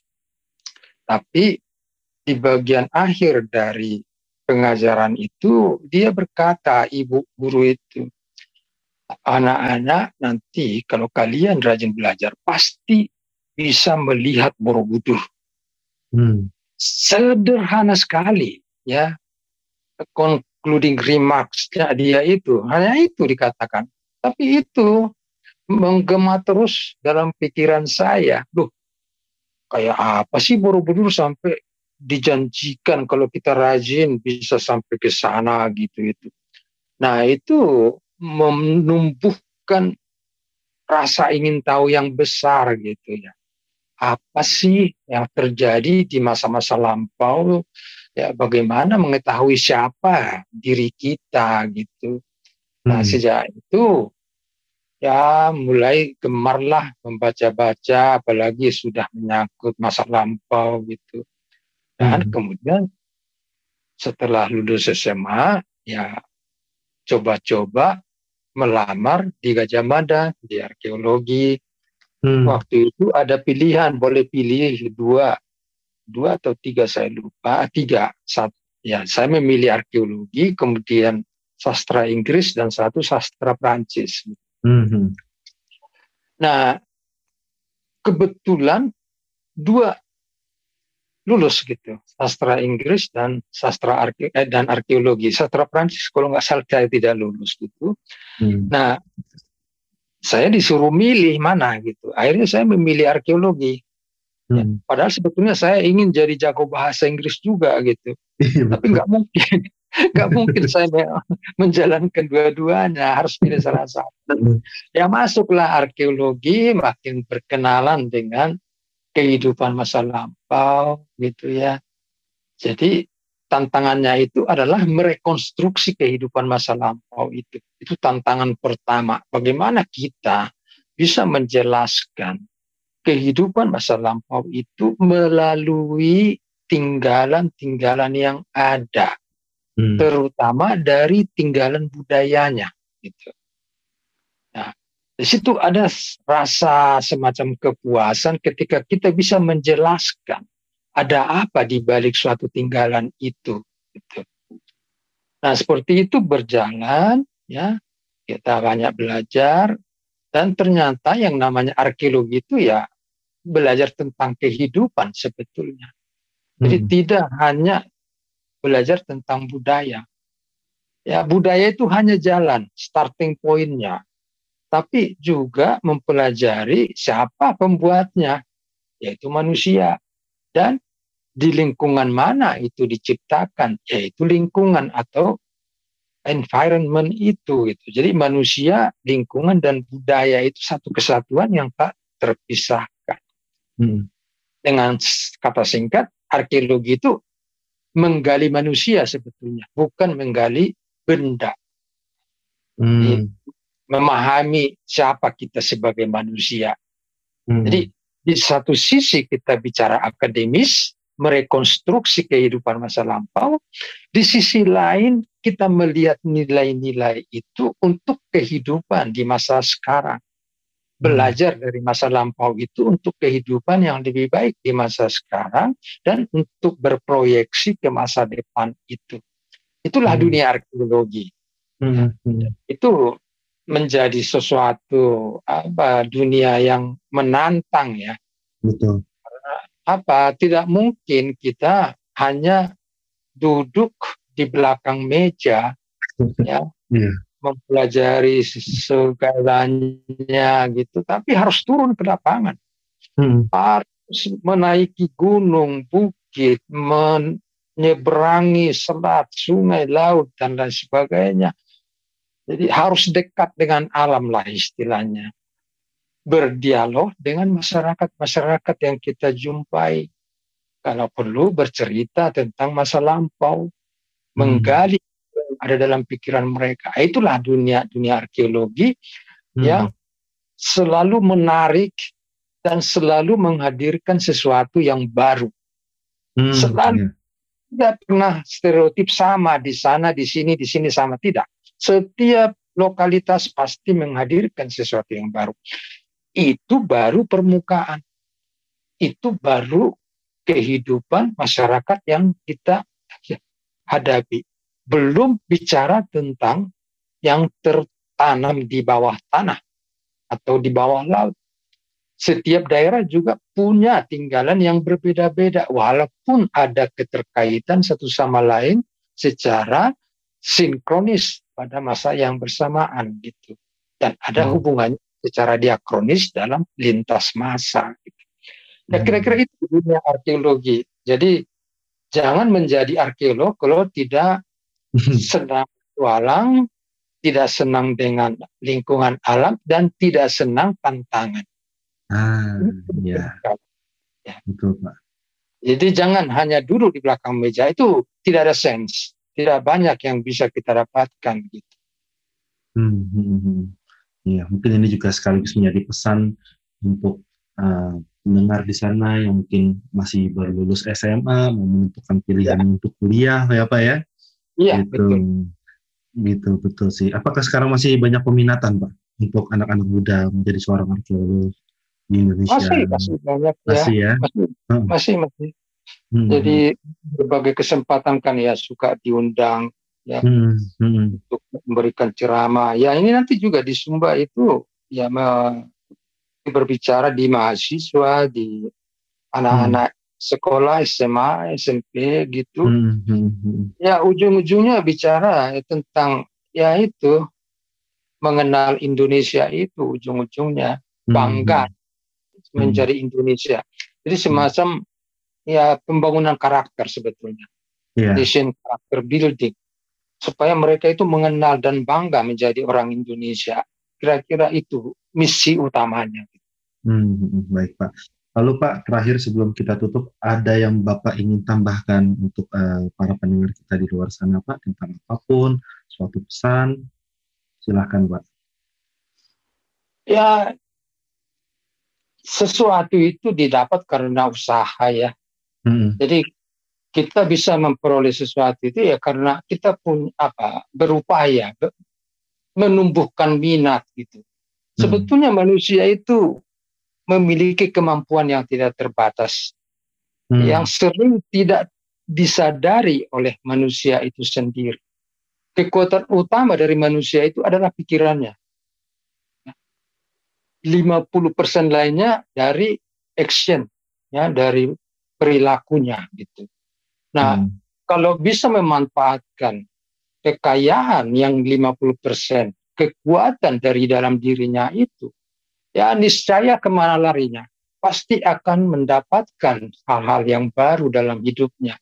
Ya. Hmm. Jadi, sering orang tidak minat terhadap satu bidang, satu aspek pada awalnya. Tapi ketika dia tumbuhkan minatnya dari dalam dirinya sendiri, akhirnya bisa menguasai itu. Jadi jangan sekali-sekali mengatakan, ah saya tidak tertarik dengan itu. Yeah. Ketika kita ngomong begitu, kita sudah menghukum diri kita hmm. supaya tidak mempelajari itu, tidak tertarik dengan itu. Kita harus buka diri kita, ya. Ah, di sana ada yang ya yang sangat menantang, ya. Ada pertanyaan yang besar, ya.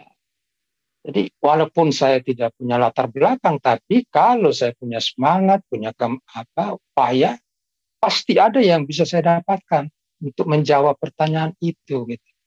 Betul, Pak. Banyak orang yang tidak dilahirkan menjadi seorang ahli X gitu, tapi pengalaman dan semangat dan upaya menjadikannya memang jadi ahli yang tidak terpikirkan sebelumnya.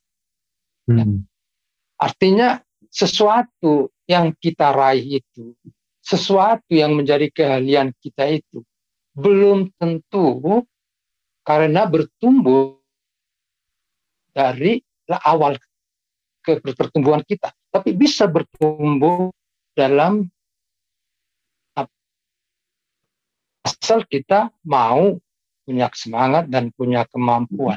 Ya syukur-syukur sejak awal memang ya kita sudah tertarik di bidang itu dan selalu on track itu berjalan ke arah itu terus ya itu makin mantap tapi iya. apa pun bisa kita kerjakan kalau kita mau dan punya semangat.